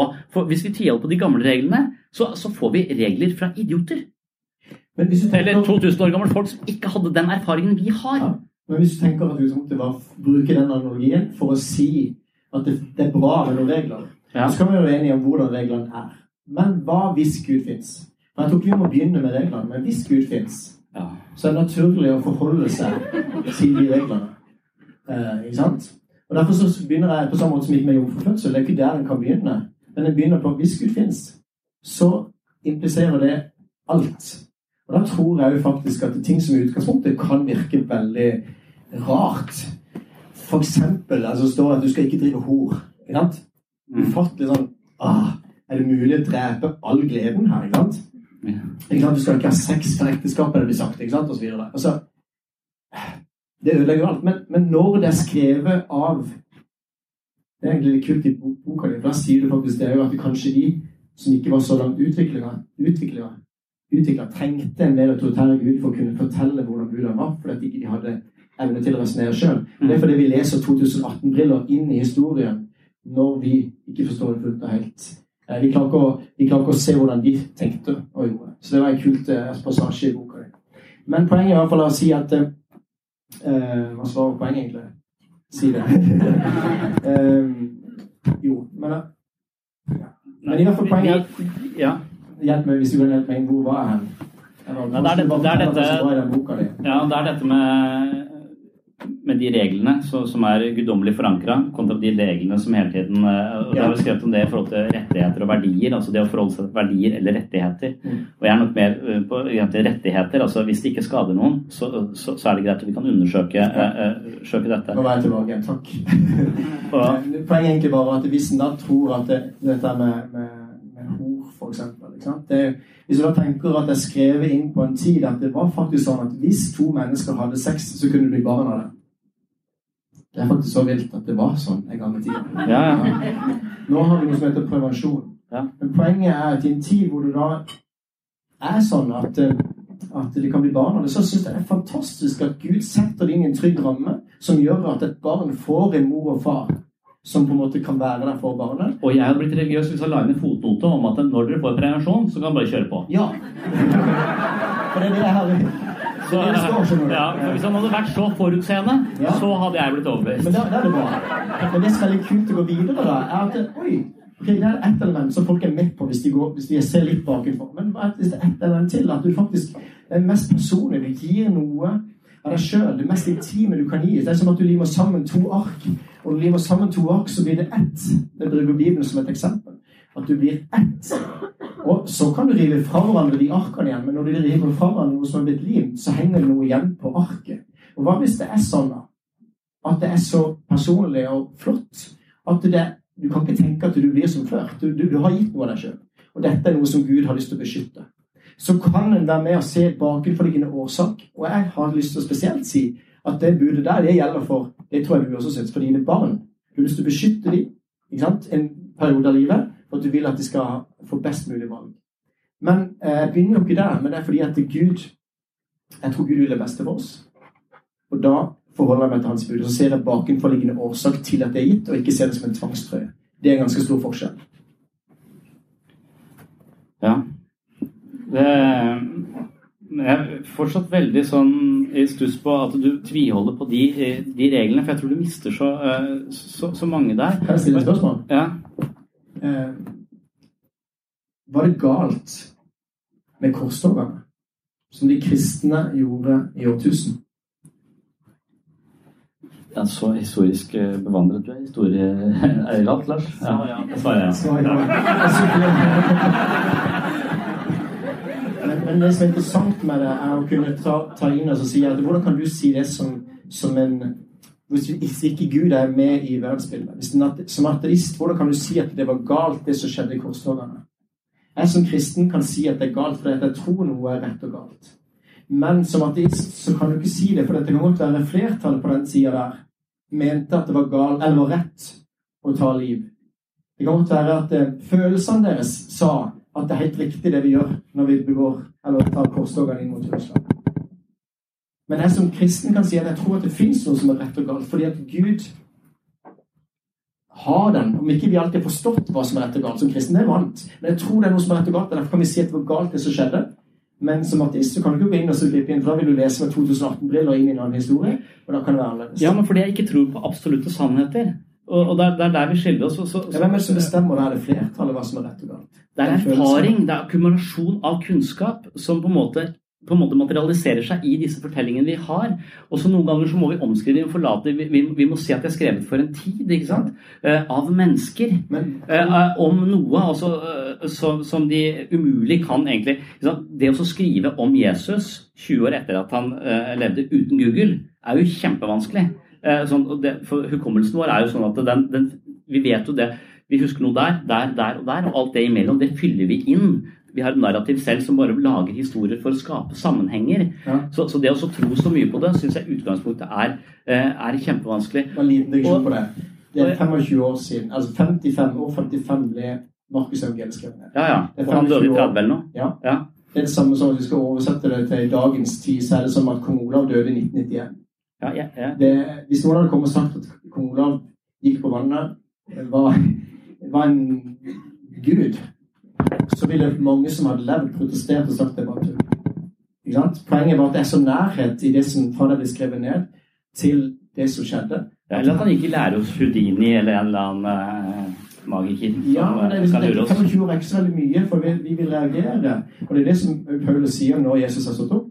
Så sier han det at mange, eller så mer enn 500 brødre så Jesus på en gang at han var stått opp. Ja, ja, Og så står det underforstått av dem lever mange av de enda. Eh, Gå og snakk med dem. Undersøk det. Finn ut om det holder. Du kan ikke bare si at det liksom 20 år etterpå er så lenge etterpå at de kan ikke huske det helt. Men poenget er at Nei, de ikke sant? Og, og, og, der, og det problemet mitt er at du, da fritar du alle disse skribentene fra alle disse mentale biasene som psykolo psykologien vet om at er der. Ja, men de ingen alle, de også Ja, men det hadde også Markus, Lukas og Johannes. eh, eh, Og de hadde også, de hadde også en demon i, i hjernen sin som forvrengte alt de opplevde. Og det er Freud sin innsikt etterpå. At alt er filtrert via nevrosene våre. Vi har ikke noe objektivt blikk på noe eh, som helst, fordi vi hele tiden farger våre egne opplevelser av livet med vår egen historie, med våre egne ønsker, med vår egen frykt. Med alt det. Så, så, så, så vi, vi vet egentlig Vi kan egentlig aldri nå Vi kan ikke si noe generelt, da. Da kan Vi- ikke si noe om alle er farga av sine egne nervoser. Alle Nei, farger av sine det- egne ståsted. Absolutt, det kan du, men du kan stadig vekk skape Du kan skape vekk innhente belegg og veie mot, uh, argumenter mot hverandre. Og det er den bevegelsen jeg er interessert i. I stedet for å si at noe er sant, så vil jeg hele tiden ha en sånn at for meg nå, fra mitt ståsted, så så dette ut som det beste ståstedet. Vel vitende om at om to år så ser jeg sikkert annerledes på det. Min egen historie, så at Jeg har gått i psykoterapi selv mange ganger. Jeg forteller historien om mitt liv annerledes hver gang. Det er ingen sannhet om min fortid. Det er bare min måte å se det på. Og, og psykoterapi så slutter man denne historien når man har en fortelling om sitt liv som man kan leve godt videre på. Ja. Men den endrer seg fordi det er måte, nye måter å se den på. Og sånn, Det er den dialektikken der, den bevegelsen til stadig nye innsikter, til å forlate noe for noe annet. Ja. Og det er sånn Jung, det er sånn Jung leser eh, historien om Jesus. Det å dø og gjenoppstå, det er å på en måte bli utfordret, det er på en måte å komme i en krise, plutselig skjønne at det du har tenkt om livet og deg selv, ikke stemmer. Det er noe helt annet. Og du dør, alt blir svart, alt blir kaos. Og hvis du klarer deg gjennom krisen, så oppstår du som et nytt menneske, og du vil aldri være den samme som før. Så for, for Jung så er Jesus et bilde på selvet. Det er denne transformasjonsprosessen som skjer når vi plutselig skjønner at vi må forlate gamle verdensbilder til fordel for noe nye. Mm. Til fordel for noe nye. Og den bevegelsen er interessant. Ja, er Men du stopper, du stopper den bevegelsen ved å tro på disse, disse dogmene. Men poenget er jo at den utviklinga skjer i hver enkelt. Altså vår versjon av sannhet. Vi er helt enig i det. Ja, Jeg har ikke det samme gudsbildet som jeg hadde da jeg var fire og et halvt år. Poenget er at det er en utvikling i det, men sannheten som absolutt, den må kunne være der. Og jomfrufødsel må kunne være en bias. Det må, være, må kunne være da en, har en du absolutt sannhet. Det kan ikke skje. Fordi at du utelukker at det kan skje et under. Vi kan ikke stole på at noe som helst er, er, er sant, så, så da må vi veie bevisene for og imot om jomfrufødsel er sannsynlig. Ja, men da kan vi begynne på et annet sted og si hva er det mest sannsynlige? At alt er oppstått av ingenting? Eller at det står en, en skapning bak? En som ville dette? Og da tenker jeg at vi basert på det, Hvis vi forsker på dette universet, dette skaperverket, så kan vi finne ut at det, vi kan si noe om det som står utenfor. Vi kan si noe om at det kan være personlig. Vi kan, vi kan si noe om at det er noe evig. Vi kan si noe om at det, vi kan si noe om Gud basert på det vi forsker her. Det var helt usannsynlig at alt oppsto bare et stort smell eller et eller annet. Det ville være Ja, tenk på det Big Bang, at det liksom. Ja, det ville være helt usannsynlig. Og det er nettopp det som er spørsmålet. At, eh, at det vitenskapens tanke er at det er skapt av ingenting. Men det er jo ikke mulig. Men derfor er vitenskapens tanke, eller materialismens tanke, det er jo det at det er et vakuum. Ingen, altså det var et vakuum som det oppstod i. Men ingenting Ingenting, altså Noe kan ikke oppstå ingenting. Jo, men det, det, hvis du spør Lawrence Krauss og sånn om det, så, så kan det nettopp det. Og når han forklarer det, så skjønner du ikke noe av forklaringa. Så det, det er problemet vårt. Nei, jeg kan ikke det. Jeg har prøvd, jeg har prøvd i boken jeg har prøvd å skrive om Jeremy England også, som mener at det, hvordan, hvordan, hvordan lys hvordan kan oppstå eh, liv fra livløs materie. Det er også ganske sofistikerte teorier på. Det er veldig vanskelig å etterprøve det. For at poenget, det er publisert. Poenget er jo Ja, men sant, vi kan forstå det, nå. Poenget er jo at eh, det er jo nettopp det med et av de beste argumentene for Gud er det kosmologiske argument. Enten er det at det er oppstått noe av ingenting. Eh, det er f.eks. et av de beste argumentene for Gud, og som faktisk endrer seg bare i vårt år, eller forrige århundre. Med at det faktisk da er vitenskapen som kommer fram til at det har vært en begynnelse. At ikke universet alltid bare har vært. Så når det da har vært en begynnelse, så er det faktisk noe som forteller og underbygger det som står i skapelsesberetninga. Ja. Uten at jeg trenger å forstå skapelsesberetninga bokstavelig. Men mange som tenker hvordan kan du tro at Gud skapte på seks dager? Nei, det er ikke noe problem. Poenget er bare hvis det er en evolusjon, da. For det er jo en utvikling i skapelsen på de seks dagene. Det skjer jo en utvikling. Hva hvis det var en evolusjon, da? Men hvorfor evolusjon? Hvorfor er vi her? Og det spørsmålet trenger ikke å fokusere på om det er seks dager, seks tider eller, eller eh, en evolusjon. Men vi kan stille spørsmålet hvorfor er vi her, og hvorfor er det en utvikling i evolusjon? Hvorfor, hvor, hvorfor, hvorfor er det her? Ja, ja. Men det er litt sånn Galo Gaps-feeling, eh, hvor du putter inn det vi ikke ennå vet. Der kan du putte, eh, putte, Gud. Men hvis jeg kommer i Frikirken og tenker at Adam og Eva var de første menneskene på jorda. De spiste av kunnskapens tre. Eh, de eh, ble bevisst, eh, de ble selvbevisste. De, de forsto at de skulle dø. Og det første de, følelsen deres er å bli sårbare, så de kler på seg. Mm. Så, de får den erkjennelsen av at fan, livet er på en måte det har en slutt. Jeg blir bevisst min egen dødelighet. Den selvbevissthetens byrde er så tung å bære at livet blir fullt av lidelse og vanskelig etter, etter det.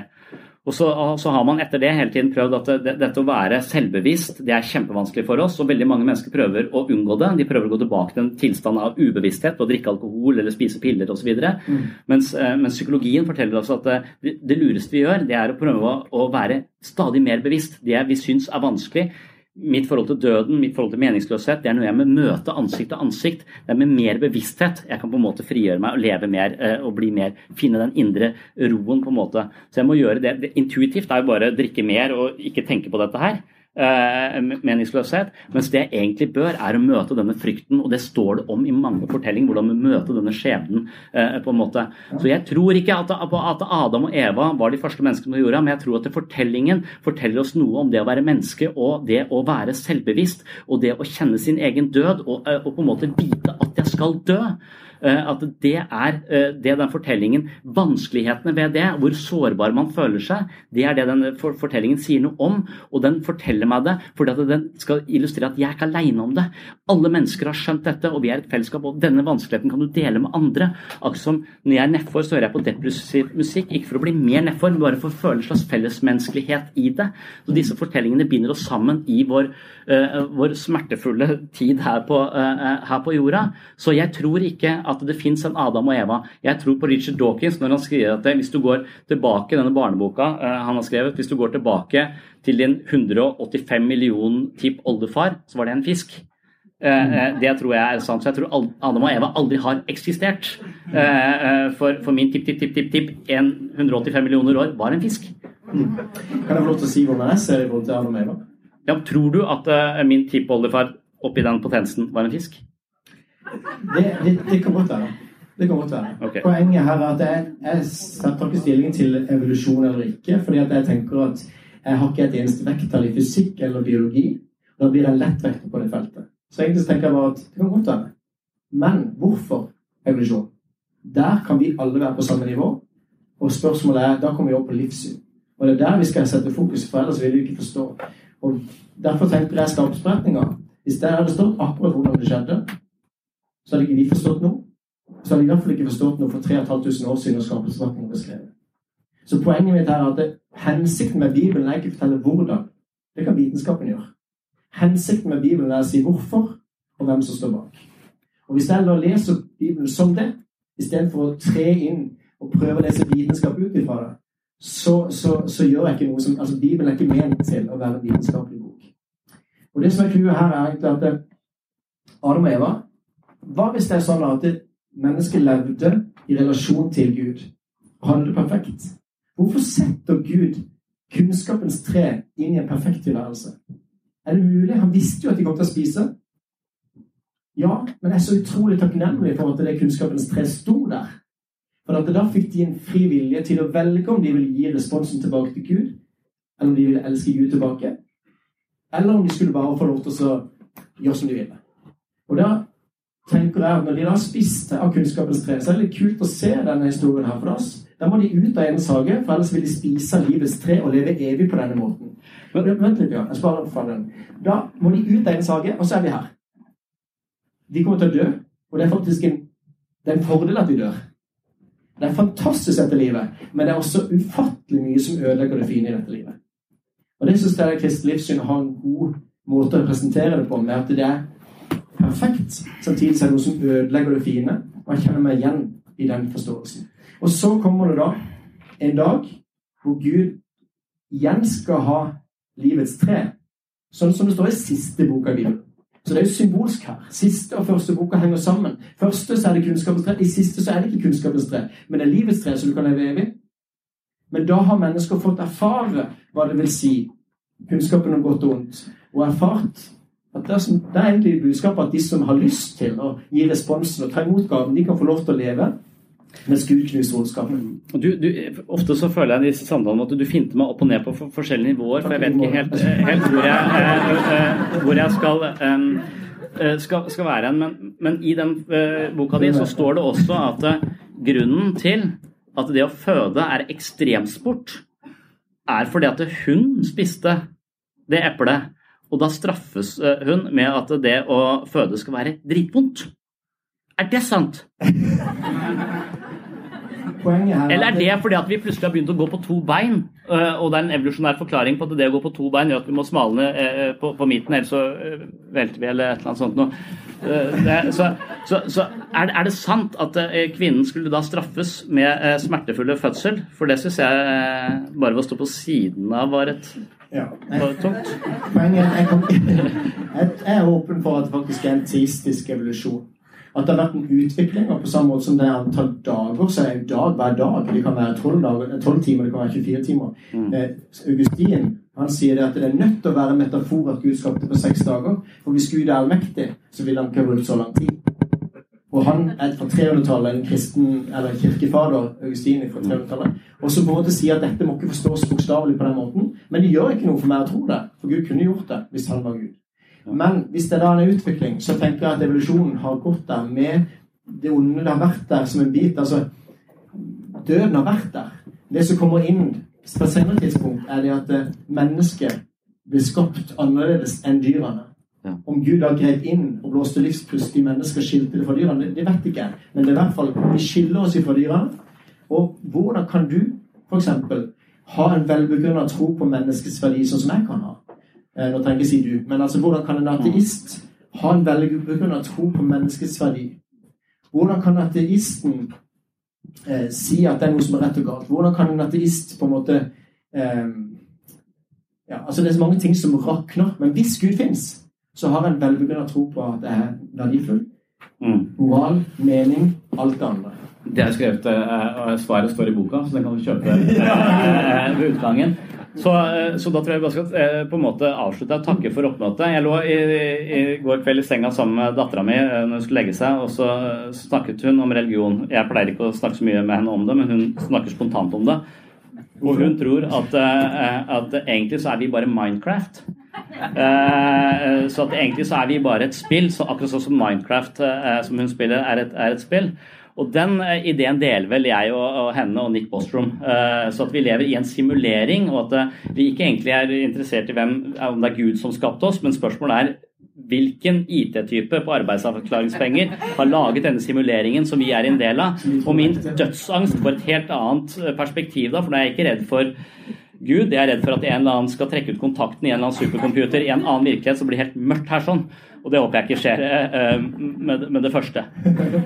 Men takk for at du stilte opp, uh, Rune. og, jeg har lyst til å si det. Nå ble jeg litt sånn, nå har Vi har hatt en veldig fin tone på disse, på disse Syns du ble litt hardt nå? Nei, nei, nei. Jeg, bare, jeg har lyst til å få fram at dette er en god samtale å ha. Ja, ja. Og jeg har så lyst til å få fram at denne samtalen må finne sted mye mer iblant oss.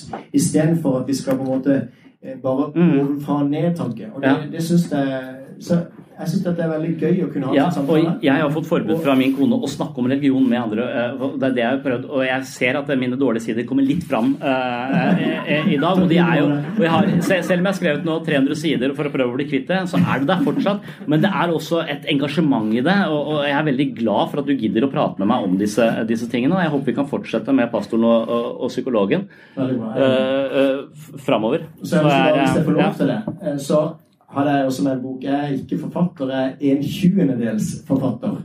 Så det er ikke noe å skilte med. Men jeg har skrevet ett svar på 20 innvendinger eller spørsmål mot kristen tro. Eh, Og da er det 20 forskjellige forfattere. Eh, Så hvis du syns det er interessant å se hva de Det er begynnelsen på noe svar. Det er ikke uttømmende svar, det er begynnelsen på noe svar. Fire sider på hvert svar er kjempelite, men det viser også hvor du kan lese videre. For min erfaring er at veldig mange lar søndagsskolefortellinga møte innvendinger mot kristen tro på et mye høyere nivå. Og hvis du da vil forlate kristen tro, så må du være så fair at du leser forsvar for kristen tro på et like høyt nivå som de innvendingene du møter. Og da er jeg en lettvekter. Så du må ikke ta meg. Du må heller ta han som kommer etter meg. Han er mye større og sterkere enn meg. Er det han svensken? Det, nei. Det, det, du, jeg har invitert deg, og du har sagt du skal komme. Ja, på eh, Lennox, ja. John Lennox, Ja, ja, en av verdens beste trosforsvarere. Han kommer på UiA eh, 18. oktober. Ja. Og så ligger det. Så da Ja, men Kjempehyggelig type. Jeg har sett han 100 timer på YouTube, så jeg er veldig eh, interessert i han. Ja. Så han er mye større og sterkere enn meg, så heller han. Ja. ja. Og så Hvis noen har lyst til å kjøpe han, så vipser det bare på et kontonummer der. Og hvis ikke Det er veldig kult det der alfakurset som, eh, som du nevnte, som du var på. Mm. Det er jo en anledning til å snakke om disse tingene. Da kan du samtale med andre, kristne og ikke-kristne. Eller, og så kan du være med på det. Så det ligger en sånn lapp der hvis noen har lyst til å være med på det. Så starter det i januar. Men takk for at jeg fikk lov til å komme. ja. Og takk for at alle dere gadd å komme. Det er imponerende.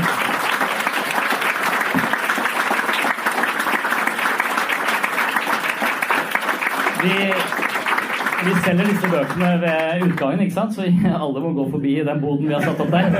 Ja. Yes, takk for at dere kom. altså.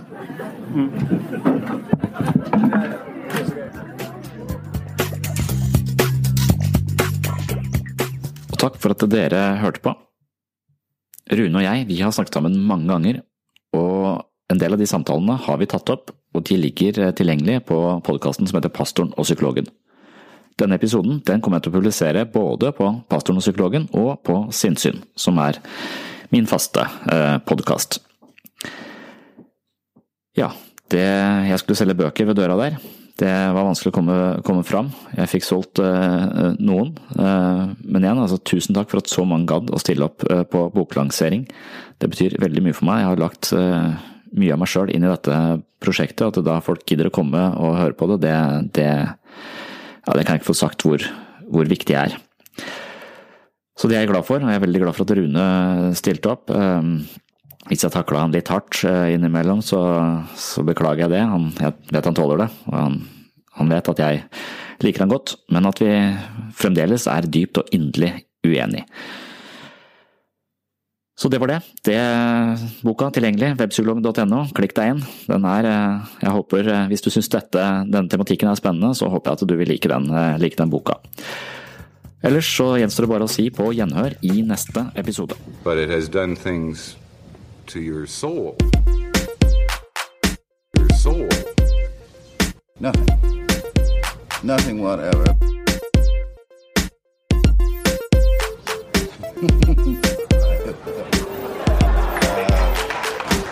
No, this is a serious question, not a.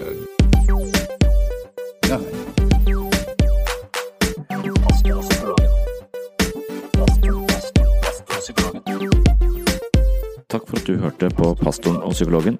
Har du spørsmål til en av oss eller begge to, så send de til eh, pastoren at webpsykologen.no.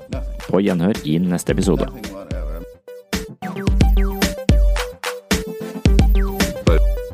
Your soul.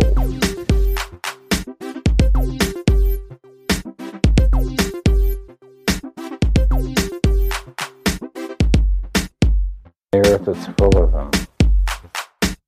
Sorry, but that's the way I see it.